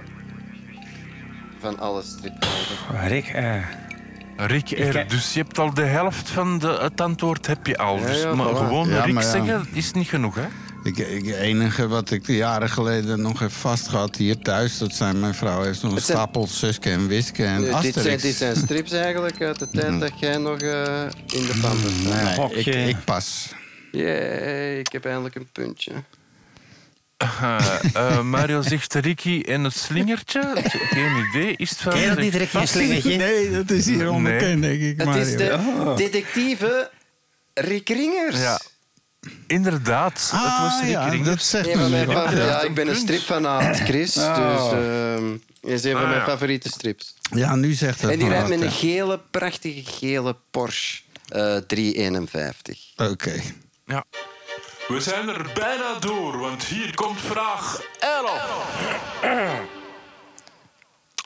Onder welke naam is de Yeti van de Himalaya beter bekend? Mm, onder welke Oh, zo? oh, oh, nee, nee, verkeerde. Wachtmuziekje. In de Himalaya. Ja, Ja, de Yeti. Hoe, hoe staat die bekend? Andere naam voor. ja, gewoon. eh, Magie de Blok. Ja, Oh. Ja, Marcel de Blok. Wel respect blijven houden, mensen. Oh, oké. Oké. ja, nou ja. Nee. Goh, Ja, het ligt op mijn tong, maar ik ga het niet... Mijn hersen weigeren... Wij, mijn hersenen weigeren dienst op dit moment. Ja, maar, maar je moet het ook niet te ver zoeken. Allee, ja, de Himalayas ja, zijn ver, verschrikkelijke Sasquatch. Nee, dat Sasquatch is in Noord-Amerika. Maar ja, we, maar- Ja, we gaan dus het horen van de. Mario wist het niet en die zegt de verschrikkelijke sneeuwman. Filip zegt Sasquatch, dat is een vraagteken, maar hij zegt dan verschrikkelijke sneeuwman. Miam zegt de sneeuwmens. Ehm, en wat, zegt, Is- wat heeft Ist van gezegd? Ik Bas? heb gepast, ja. Ik eh, kwam... Ah, ja. Het is dus inderdaad de verschrikkelijke sneeuwman. Maar ook Minja krijgt een puntje daarvoor. Nou, oké. En dan gaan we nu de eindstand... Oh nee, we hebben nog twaalf te gaan, hè? Dus de ja, we laatste. hebben nog Nog eentje. laatste vraag Maar het is- vandaag. Vraag Hoi. 12. Ja, het is ook een heel belangrijke vraag. Want Mario en Philippe hebben samen vijf... ah, Nee, niet samen, maar hebben ieder vijf punten. Dus deze gaat bepalen wie dat er wint. Oh, de spanning stijgt. Oh. Ja, ja. En, en ik weet... De, ik hoor Mario nu al zuchten van... Ja, dat is inderdaad echt een vraag voor mij. Welke Nederlandse... Hè, dat begint al goed, hè? Welke Nederlandse voetbalclub won als eerste de Europa Cup? Ja, Ja. godsamme, dat weet, wie weet Dat dat. is natuurlijk voor, voor Mario, als hij niet te veel bolletjes op heeft natuurlijk. De, de welke ja. cup? Oh, De Euro... Europa Europa Cup. Cup. Ja, ik ken maar één, één, één, één club dus. Misschien is het die, hè? Ja, het is dat. nooit, ik ga ook in een Chris. Ik ga hokje Ja, ik- wagen, eh, Walter. Een hokske. Ik Ah, ook. Ik ga hokken. Een hokske wagen. Ah, ah, Ik, ik weet het ook ik moet niet. Ik, hokken. ik, weet, ik weet niks. eh. Ehm, het is wel grappig, ze weten het niet, maar ze hebben alle twee het juiste antwoord. Het was Feyenoord. Oh, Mio. kijk eens. Schitterend. Nou, we hebben, het was echt mazzel. Nou, alright. Ja, dan moet er een Ja. eh, beslissingsvraag komen. Hè. Een gaan shootout. door. Ja, totdat we met twee punten verschil. Dit wordt een lange uitzending. Ja. Ik ga een kaartje... En dan gaan we voor de eh, tweede en de derde prijs natuurlijk. Is het tussen Een de Vlaming en de kaartje. Hollander, of wat? ja, ja, het, is, Ah. het is nu tussen jullie twee. Tussen Mario en ja. de shootout. Nou, Nou, vooruit. Allee, Mario. Chris? ehm, Spannend. ja, eh, ik ben aan het kijken. Ik heb net een kaartje getrokken. Mm, ja, oké. Welk cijfer Hmm. hebben we niet te danken aan de Arabieren? Ah, dat weet ik. Ah, ik denk het ook, ja. Oei, Ja, dit gaat lang duren. ja, ik vrees het ook. nou ja, we hoeven die 30 seconden hebben we niet nodig. hè. Zeg het maar allebei, want anders dan wordt het helemaal veel te Oké. lang. Nul. Ja.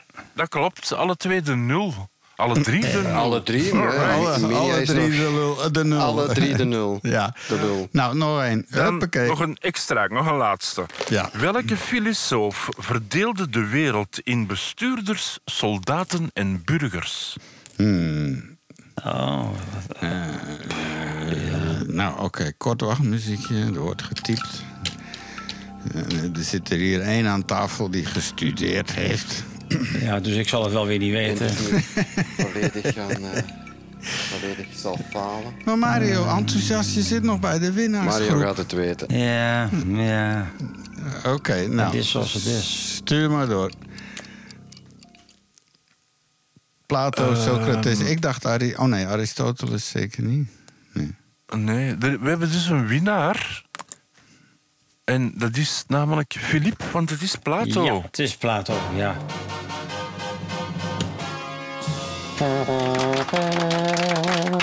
Heel goed, yes. Het was heel spannend ook, vond ik. eh. Ja, ik zit er nog na te trillen. Want, eh, dit, dit niveau moeten we vasthouden voor de volgende afleveringen ook. Ja. Ik heb er zomaar een haiku over geschreven. Oké, ja, ze staan hier weer te springen al tussen die beesten. Ah, wacht even hoor. Ja. Istvan is te snel. Minia achterhaalt hem wel, maar Filip wint. Oh, Ik had heel de tijd Mario wint. Kijk, maar Mario wint ik stond bijna er. nooit dus. En Mari, eh, nou ja, Ja, nee. het bleek dan Filip te worden. Ja, je hoorde Ja, wel. dat- gefeliciteerd trouwens, eh Filip. Maar ik vind het wel straf. Is van, jij zegt altijd, ja, ik moet hier de knoppen bedienen en, en nog naar het juiste antwoord zoeken. En, en je hebt nu een gast die zelfs een haiku schrijft terwijl dat hem bezig is met de quiz van vier Ja, maar. Chris, die laatste vraag van Plato. Ik, ik ben leerkracht zedeleer, dus als ik die niet wist, dan, eh, dan Dat- mocht ik dat- inpakken. dat zou beschamend dat geweest zou gewoon enorm beschamend zijn. Daarom durf ik ook niet... Mijn, mijn kinderen hebben dat, die, die zeggen al heel, heel hun leven van... Papa, jij moet ook op blokken. Jij moet ook op blokken, dan kan je veel centen... Als ik durf op blokken gaan, weet je wat dat de eerste vraag dan is? Welke... eh, welke acteur in thuis of Ja. welke voetbalclub in. Dus eh, nee. Oké. Radio Centraal. Ongehoord. Ongehoord. Onge ongehoord. Ongehoord. Ongehoord. Ongehoord. Radio Centraal. Ongehoord.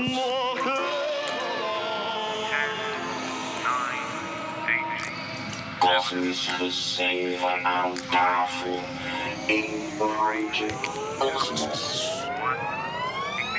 Mm-hmm. En wij verlaten het aardse om ons te richten op alles om ons heen. Namelijk de kosmos, een van onze stopplaatsen op deze rit. Eh, ja, u vraagt zich af wat er met het super eh, interessante en populaire item eh Pek en Veren... Ja, die is helaas tussen de kieren doorgevallen. We zien aan het eind van de show dat we daar nog wat ruimte voor hebben. Maar we gaan eerst... nu heb ik iets heel boeiends gehoord. Een heel boeiend verhaal. Dat grijpt namelijk terug naar iets wat in 1908 is gebeurd. Het eh, Tunguska-event. Daar is dus iets Ja. toen eh, boven Siberië... iets in de lucht ontploft. Hè? Want ik zeg met name iets, want er zijn alleen theorieën tot nog toe. Want het probleem is...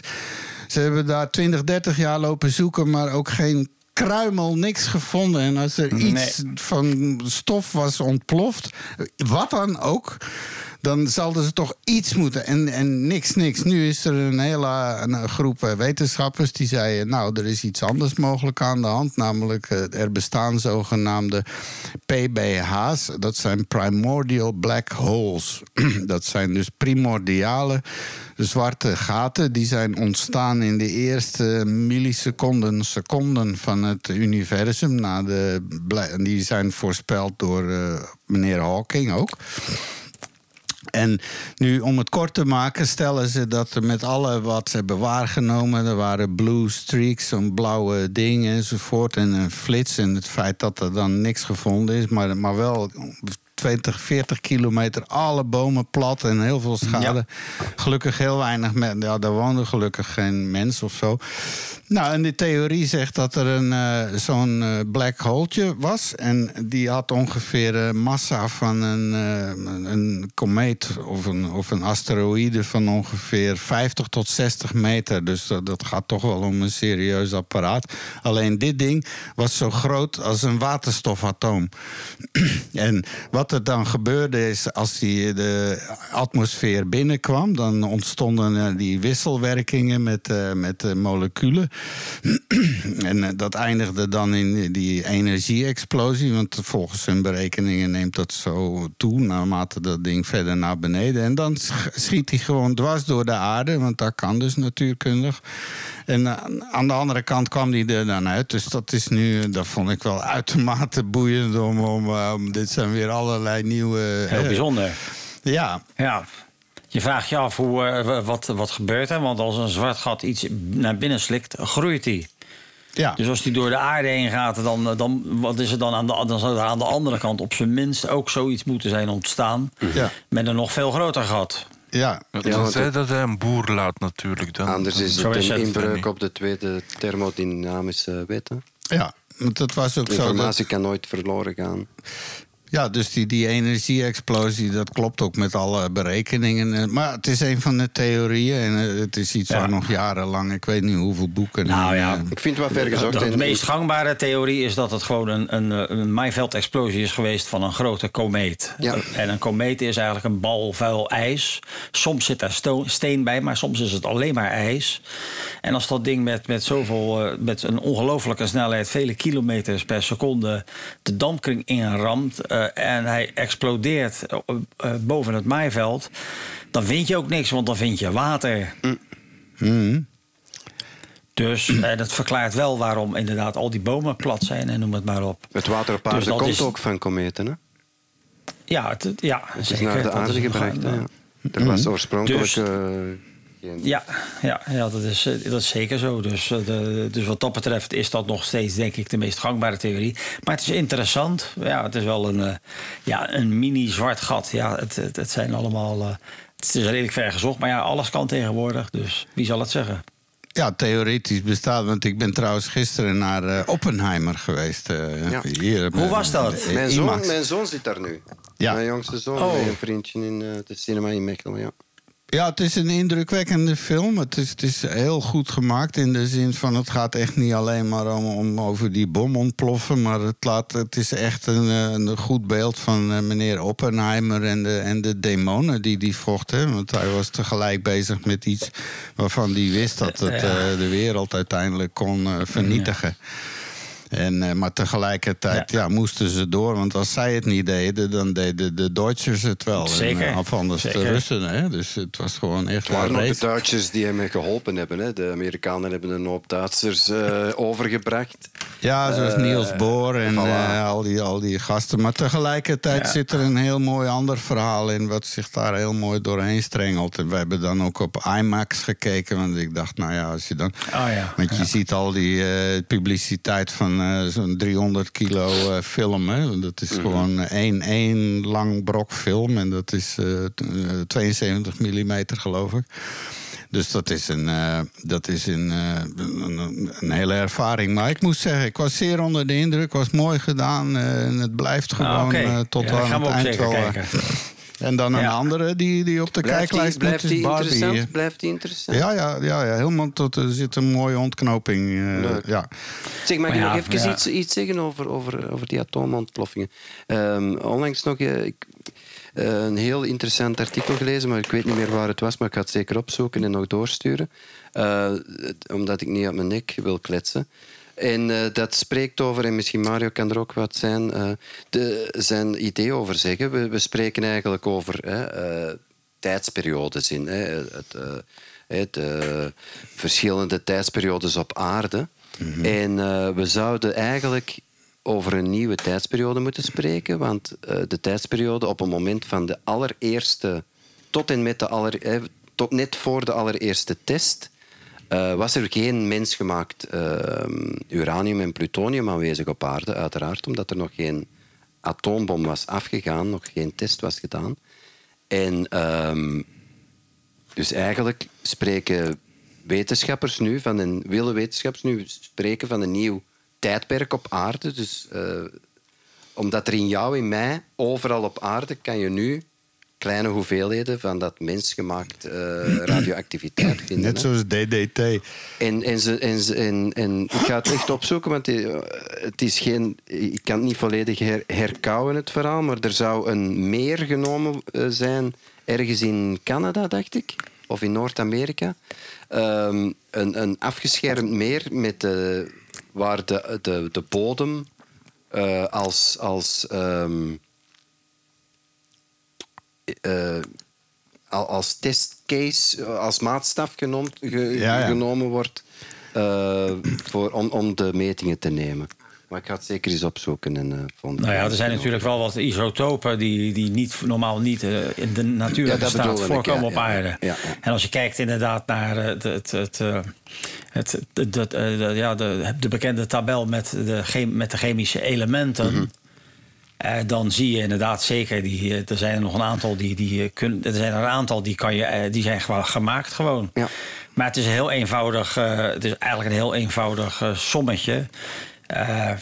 Je kan het voorspellen, omdat de, de, de opbouw, de schillen bepalen wat, wat, wat, zeg maar, wat uiteindelijk het element is wat gevormd wordt. En dan, dan kan je zeggen inderdaad, er moet nog dat of dat element ergens zijn. En sommige zijn zo instabiel dat, dat ze niet natuurlijk voorkomen. Maar je kan het inderdaad wel maken in een lab. Ja. ja, en het kan dan eh, milliseconden bestaan of zo. Hè. Dus, eh, ja. Ja, maar bijvoorbeeld ook Einsteinium, dat bestaat eigenlijk niet, maar dat is gewoon echt gemaakt. Ja. Eh, Ja, Dus ja. Dat koken ze allemaal in de Wanneer CERN is het vanium? is het vanium? Dat Is het vanium of is het van dat alweer? Het is-. Maronium. rustig, hele rustig. Vorige week, eh, een week of twee geleden, hadden we het over de Euclid... die omhoog geschoten is. De volgende Euclid? generatie telescopen. En die, die gaat eh, de hele eh, miljarden melkwegstelsels in een 3D-kaart Ah, ja, ja. en zo. En op die manier gaat Zoals die de laten zien... Gaia-telescoop eigenlijk. eh, Ja, deze dit is gaat een, eh, eh, laten zien Dit is een breedbeeldversie. ja. Ja. Ja. en de eerste Dat- beelden zijn... eh, we zetten de link in de show notes. Je moet die foto zien. De eerste foto's zijn eh, fantastisch, veelbelovend. Het regent nu al sterrenstelsels. Dus, eh, maar, maar even nu eh, eh, duidelijk te maken waar we het over hebben. Dat ding gaat elke dag 850 gigabits aan data versturen naar beneden. Dat is dus hetzelfde als ongeveer 100 gigabyte per dag. Ja, dat is gigantisch. ja, dan hoop ik Maar ja, dat, dit is eh, wel dat een- een- NASA een- een, eh, een ander SSD'tje in hun computer installeren. Dus een abonnementje Ja, een- bij Amazon nemen. zo. Ja, Een paar peta, peta schijfjes heb een je dan paar schijfjes bij Amazon bestellen. Maar ja, dit, dat is de nieuwe vorm van astronomie. Hè? Dat er gewoon enorme bergen data naar beneden. Je de- bedoelt astronomische Nou ja, bergen data. Ja, Nou ja, kijk, wat, wat dit anders maakt dan al die andere telescopen... is dat alle andere telescopen zich focussen op één punt in het universum... en dan oneindig inzoomen. Mhm. Maar dit Euclid is de eerste die het anders bekijkt. Dat is een soort breedbeeldtoestand... die dus van minuut tot minuut over de hele bandbreedte eh, de verschillen laat zien. En dat is nog nooit eerder gedaan. Ik heb Hmm. het al eens eerder over gehad, over dat ding.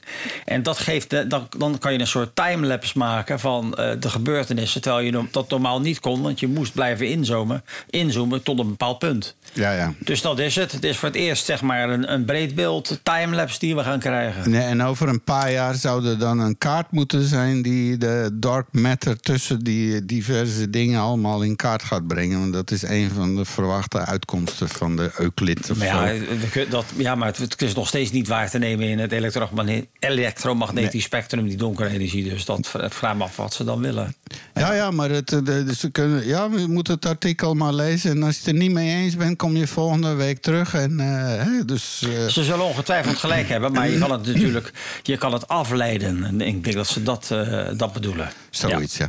En over afleiding gesproken, we gaan ons helemaal af laten leiden naar een totaal andere sfeer. Iets heel rustig. Ah ja, oh wacht even. Nee, dan komt eerst nog weer. Er wordt hier met een briefje gezwaaid en daar moet ik natuurlijk op reageren. Ja. De kosmos ontploft. Geen kruimel werd gevonden. In magisch zwart gat. Nou, eens kijken. Even wachten hoor. Zo, de koeien zijn weer haai. Die kunnen rustig de stal in. En dan gaan we over naar...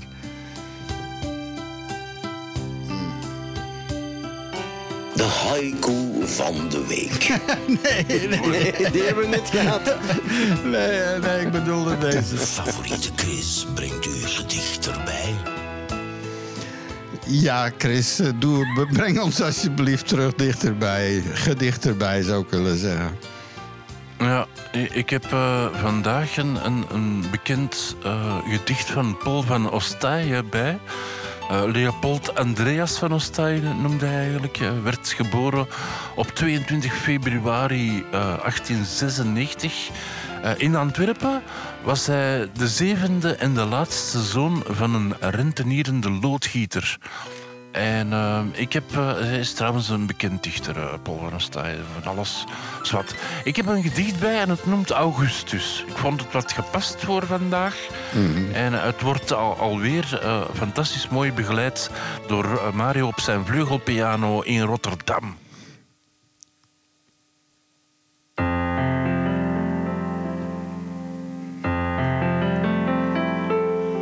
Er is een land. Een land aan de zon.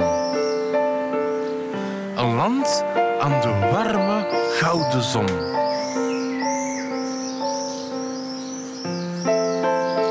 Waar mensen werken. Werken van liefde.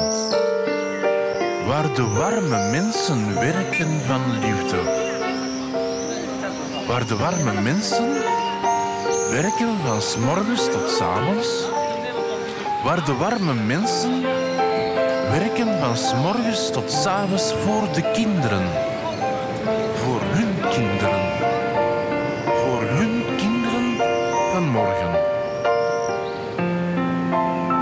Er is een land, een land aan de zon, een land aan de warme gouden zon, waar het leven goed is. Waar het leven licht is. Waar het leven goed is en waar het leven licht is.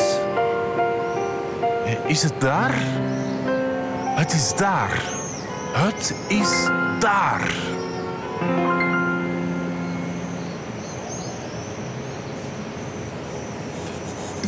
Luistert naar Radio Centraal op FM 106.7, DAB+, en livestream.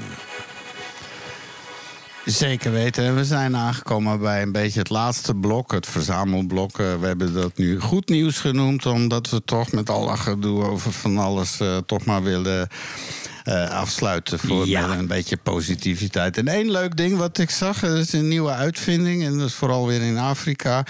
Jaren geleden was er ineens een, eh, zo'n Engelse uitvinder... Die, die jarenlang heeft zitten knutselen in zijn hokje. Want wat was het probleem? Eh, in Afrika hadden er zeker een 30 jaar geleden...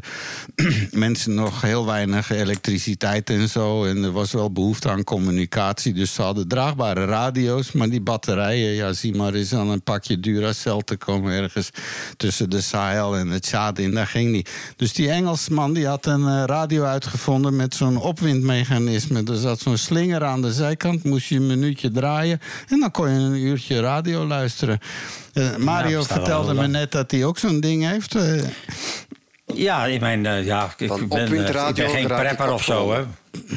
wat? Ja, Van nee, maar- opwindradio raak je opgewonden. Eh, en je kan je telefoon ermee opladen. Ik heb zo'n noodding, zo'n noodradio. Daar kan je, die, die, die staat ook standaard op alle noodfrequenties. Daar kan je aan draaien. En dan op een gegeven moment heb je dan eh, een power. Er zit eigenlijk gewoon een dynamootje in. En je kan ook, er zit ook een lamp in. En, eh, Dat is een beetje gewoon het noodpakket voor mocht er ooit iets gebeuren. Dat staat te verstoffen in mijn kast met een paar flessen Ah, water. ben jij zo'n prepper, eh, is eh, Mario, die, die voorbereidt op de zombie-invasie? en dan weet je Ja. welke weg hij Ja. uitgestippeld heeft in Rotterdam Ja, om, om dan. Ja. ergens aan te komen. Nou, ik vroeger geloofde ik ook niet in zombies. Maar ik woon inmiddels al zo'n 20 jaar aan de Rotterdamse markt. En dat heb ik toch een beetje moeten bijstellen. Want het is regelmatig een redelijke freakshow. Dus Ja, vandaar. Ze lopen daar al rond, eigenlijk. Mhm. Dus, ja. Ik denk het wel, ja. Ja, ja. Maar nu een, eh, nou, een nieuwe uitvinding. Want ja, wat hebben ze meer dan genoeg in, eh, daar beneden in Afrika? Dat is zonlicht natuurlijk. Dus ja, nu Ja. met eh, zonnepanelen kunnen ze een, een, een ding... dat is een soort zeer robuuste batterij eigenlijk opladen. Maar die, waar kun je computers aan hangen, telefoons. Maar je kan er ook gewoon in pluggen. Er zit een 220, of liever gezegd een 240 uitlaat op. En die kan dan een eh, tv'tje een goede 7, 8 uur blijven voorzien van stroom. En dan kunnen ze dat zonder batterijen, zonder eh, dingen, nou, zonder gedoe.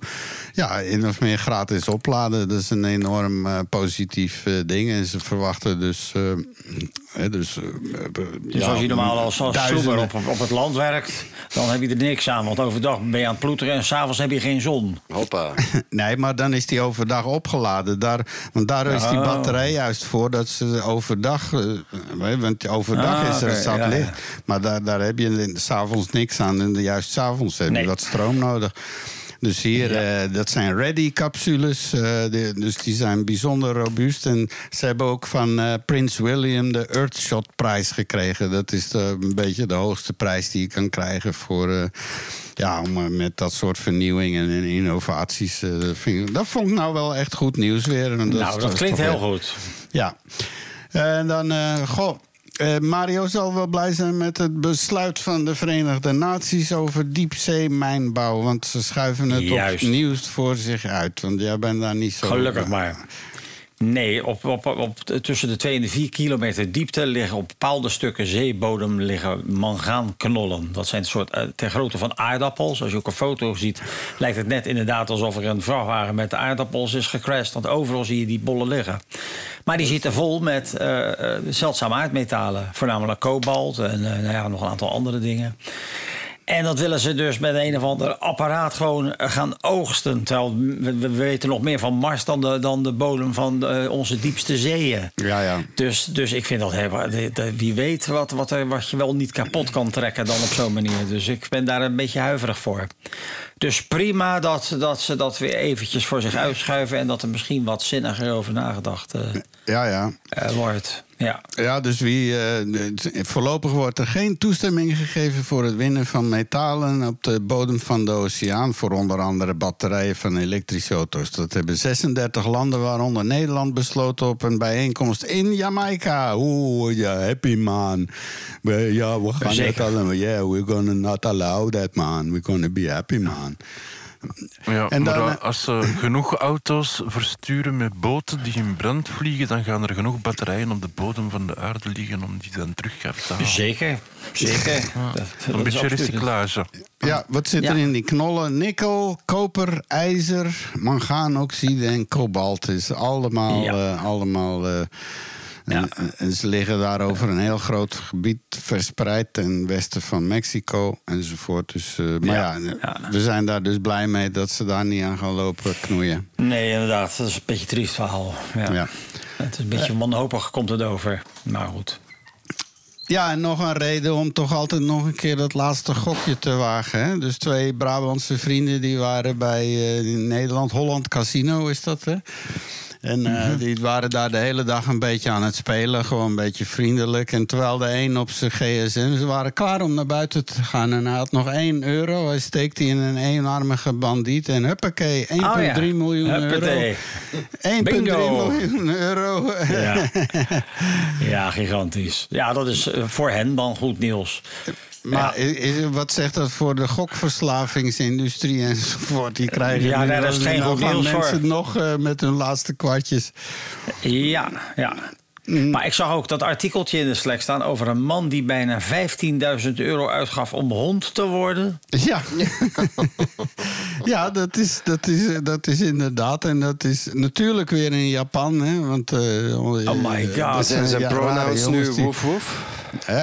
Nou ja, en, en wie, wie laat dan die man uit? Als dat in Japan zo'n... Nou, de, nou, als, het, eh, als, dat, als dat een sumo-worstelaar is, nou, dan mag je wel een kobo-zak meenemen. Want je moet dat dan ook opruimen als eigenaar. ja, maar je kan... Ja, de- eigenlijk een- is, het... eh, hij heeft een kostuum laten maken. Hè. Dat kostte zoveel, want dat is gemaakt door mensen die werken voor de filmwereld en kostuums maken. Oh, oké. Dus ehm, hij is een border collier en, en loopt dan rond. Maar hij wou ook niet eh, gewoon gefilmd worden, want hij wil niet dat zijn vrienden en collega's een verkeerd gedachte over hem zouden krijgen. Eh, maar het rare is, Ah, ik heb het filmpje wel bekeken, hij waait ook naar de mensen. Ik heb nog nooit een border collier zien waaien als ik hem passeerde, maar hij doet dat blijkbaar wel. Ik heb een Jack ja, Russell die horen waait is hij toch meer borden dan collie. Ik had je nog uitstaan. Ik had Philip nog even uitstaan. Die was er even uit. Maar ja, die- ja, maar ja dat is tegenwoordig die explosie van non-binair. En ik, ik ben eh, misschien geen man, ik ben geen vrouw. En eh, ik ben dit. En je hebt de Furbies. Hè. Je hebt die, Je hebt- die- ja, ja. de furries bedoel ik. Furries. Ja, dat- dat- Furries, eh, wat houdt het in? Die houden alleen van haar of zo? Nee, dat zijn Nee, mensen. Ja, Volledig in, eh, in, in, in, eh, in plush, eh, eh, zeg maar, eh cartoonachtige... Zo'n mascotte. Mascotte-achtig, Oké, ja. ja, zoals die Amerikaanse mascottes, maar die hebben het dan een next level. En die, ja, die uiten zich eh, dan in, helemaal eh, gekleed in eh, fantasieachtige dieren. Ah, oké. eh, plusje, met, met alles erop en eraan. Hè. Dus met handschoenen. Met, eh, het is niks om, eh, om te doen in, eh, in het Midden-Oosten met het warme weer, zal ik zeggen. Daar eh, zie je iets minder furries dan, eh, dan in... eh, Nou, furry fandom in Belgium kan je al eh, vinden. Dus, eh, dus ze zijn overal. En dat zijn inderdaad mensen die zich in een soort Het is dierenvel... eh, 2023 en eh, jezelf zijn is, is, is, is, is pure punk, hè? Eh, is puur extremisme. Ja. Hoe durf Ja. jij jezelf zijn? Er moet iets mis met jou zijn. Je, je, snap je? Het is, het is absurd eigenlijk. Het is, het is aan door, En, en dat is vaak ook zo. Va- vaak is er dan ook inderdaad iets mis. Maar en wat ik las is inderdaad... je hebt ook bij de LHBTIQ... eh, heb je ook een, weer een nieuwe versie waarbij De LGT, iemand... Er is iemand die is getrouwd, eh. eh, ja, getrouwd met, met zijn avatar. Dus dat Ah, bestaat ja. ook nog mensen Eh, die ik- dus zeg maar willen trouwen Ik heb een met artikel een, eh, gezien van een dame die gehuwd is met een hek. En ze, ja, en ze is ook eh, enorm verliefd geweest op de Eiffeltoren. Oké, ja, daar kan ja. ik wel inkomen, de Eiffeltoren. Ja, die is groot en hard, hè? ja. Ja, dat was een koppertje. maar dus, ja, oké. dus ze was eh, gehuwd met een hek. Met een, midden van het Engelse landschap. Het was een Engelse dame, een Britse dame. Eh, zo'n, Maar zo, dat zo, maar dat was een, dat was een bij hek. onze haiku's, om onze, om maar, onze maar haiku- een hen zouden ze zeggen, dat was haiku's een, bij- dat was een hek. te houden. Een hek Oh God. met een hek. Ja, zeker weten.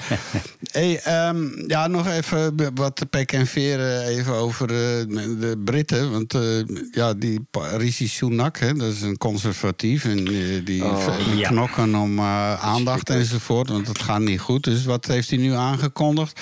Ze hebben nu eh 100 licenties staan er klaar om opnieuw naar gas en olie uit de Noordzee Ja. te halen. Nog meer. Triest. En het gekke Ja, is... en eh, eh, hè, doen ze ook heel veel in Groot-Brittannië. hè. Of hoe heet dat? Fracken, ja, ja. dat frakken gas eh, uit rots. eh, Levensgevaarlijk. ja, Als je het fout oh. doet, heb- besmet je gelijk je, je hele grondwaterstand. Dat is Ja, niet echt precies. Of, of je neemt een heel dorp eh, ja, eh, de vol kraken zit, een beetje Gronings geval.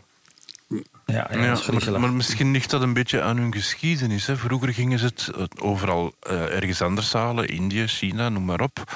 En, en dat begint in te krimpen. Dus ze moeten wel zien dat ze nog van hun energie kunnen voorzien, zelf zonder dat ze al het, hetgeen dat ze gestolen hebben moeten teruggeven op den duur als Ja. betaling. En Nu moeten ze in eigen, nu moeten ze op de blaren zitten en in eigen tuin scheten. Hè.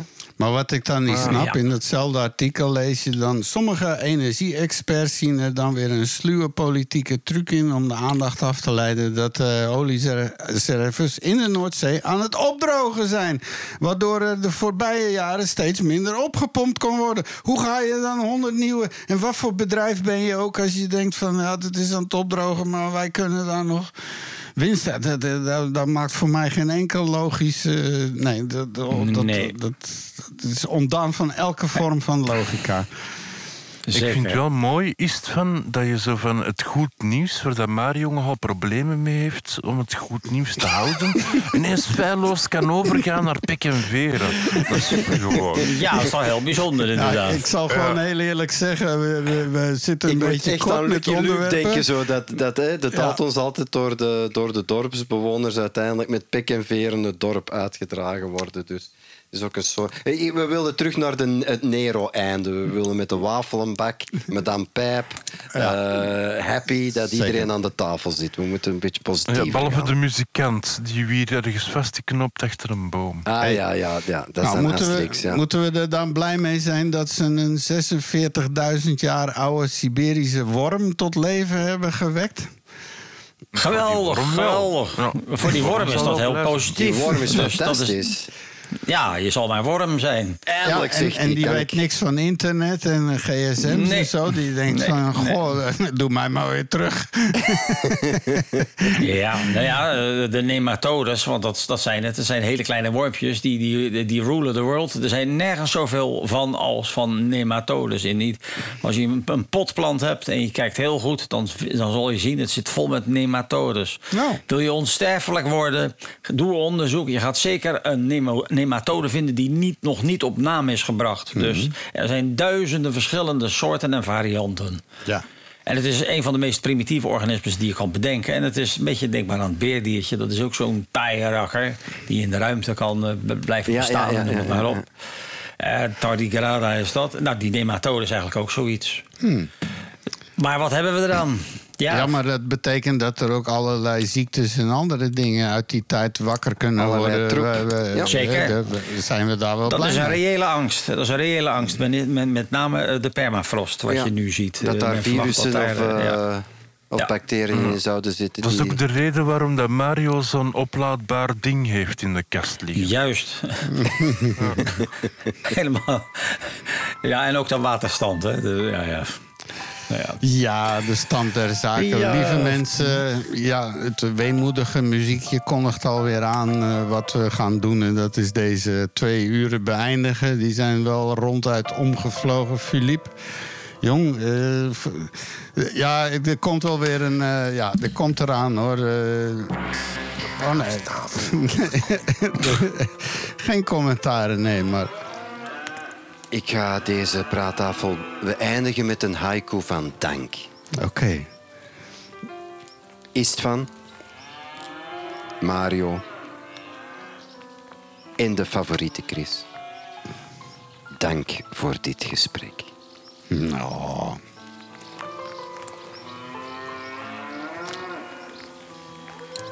Nou, daar worden we allemaal worden een stil beetje van. Stil van, hè? ja, dat is zelden dat de praattafel eh, inderdaad... eh, was, eh, ah, een plugje van, eh, oké. Hey, lieve mensen, dat was hem weer. De 142e praattafel met te gast Filippo Zier, actief in onderwijs. En doe je nog met muziek? eh, Ja of hoor, ik ga zelfs nog een nieuwe gitaar kopen. Denk ik. Ah, nieuwe gitaar, nieuwe kansen. Gaan we je in de top 40 zien binnenkort? Absoluut.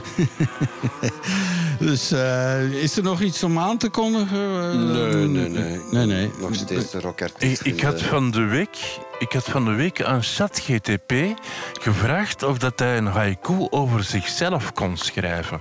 Oké. En, en, ik kreeg, eh, en ik kreeg als antwoord een haiku uiteraard. Mhm. Door draden verbonden, wijsheid stroomt in mijn kern. Taalkunst komt tot leven. Nou, ja. ik, ik, ik Nou. zie hier, eh, er wordt meteen geteld over lettergrepen. zes eh, lettergrepen gezien. Want het is, wat was het? 5, Vijf, 7, zeven, 5. vijf, Ja. ja. Ja, Chris? Dus Ja, je, je hebt een, je hebt hallucinerende... Maar mooi, mooi, eh, mooi gedichtje. Ja. Dus jij gaat straks een gitaar kopen, andere plannen nog? Deze, je zei dat je kennis had uit de United States. Ja, morgen. Hij komt morgen. Dus het was de eerste of de tweede. En Oh. dus eh, daarom kon ik vandaag aanwezig zijn. Oké, dus eh, mijn goede vriend die in eh, San Diego woont, eh, Francis, met zijn echtgenoten en kinderen. Oké. En eh, als, wij kinder in, als wij in Amerika zijn, mijn echtgenote is Amerikaans, Hmm. dan bezoeken we hen daar. Maar dit jaar ben ik niet naar Amerika kunnen gaan. En dan komt hij even langs. Alrighty. Hey, ehm, ja, Mario deze week weer het gebruikelijke, denk ik. Hè? Het gebruikelijke. Ik ga weer, eh, ja, ben ook wel, wel weer lekker met muziek bezig. Ik ben lekker aan het studeren. En het bio, mijn bioprojecten lopen gewoon door. Dus verder niets bijzonders. Nee, nee. En eh, muzikaal, wat, eh, waar hebben we het dan over? Eh, piano. Ik ben nu eh, begonnen aan, aan Satie. Een aantal leuke stukken die ik mij eigen wil maken. Oké. Top. En onze favoriete Chris, is jouw probleem al met vervoer opgelost? Ik zag dat je een nieuwe Vespa zag je staan of zo. Een mooie Ik ga glimmende. die zo meteen ophalen, die Vespa. Maar het schijnt dat in 2023 weer van alles veranderd is. Nu moet de vorige eigenaar zijn, zijn bromfiets uitschrijven. Dat is een extra 15 euro voor de staat. Ah, ja. Voordat ik die terug kan inschrijven.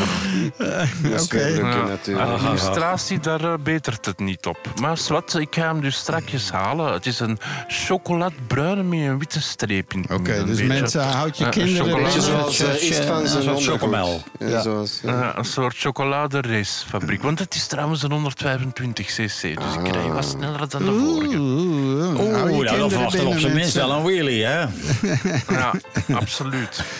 Hey, lieve mensen, het is de laatste minuut. Dit was de praattafel. Dank je wel. Dank Ja. je ook aan Minja en iedereen. En Jeroen, die ook in de chatroom was. Volgende week zijn we er weer.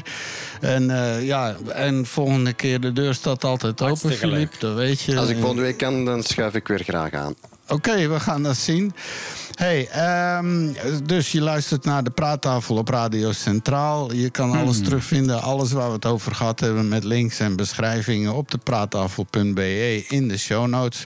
De rest van de middag is voor jou op Radio Centraal. En de komende twee uur is het weer een boeiende muzikale reis... met het kralenspel door eh, Jeroen en Elko. En eh, de B, ik, ik wist laatst, eh, want Jeroen, het is niet Jeroen B en Elko B... maar Jeroen en Elko. In elk geval het Ja, kralenspel. Elko B is volgens mij ook een heel goede muzikaal muzikant, heb dat ik is ergens een understatement. Ah, allebei, oké. Voilà, ze zijn allebei Ja, supergoeie dat zijn ze muzikanten. allebei, ja, ja, kan niet anders met zo'n supergoed programma... dat bijna het beste is van Radio Centraal. Ja, ja. Ja. luistert naar Radio Centraal op FM 106.7, DAB+, en livestream.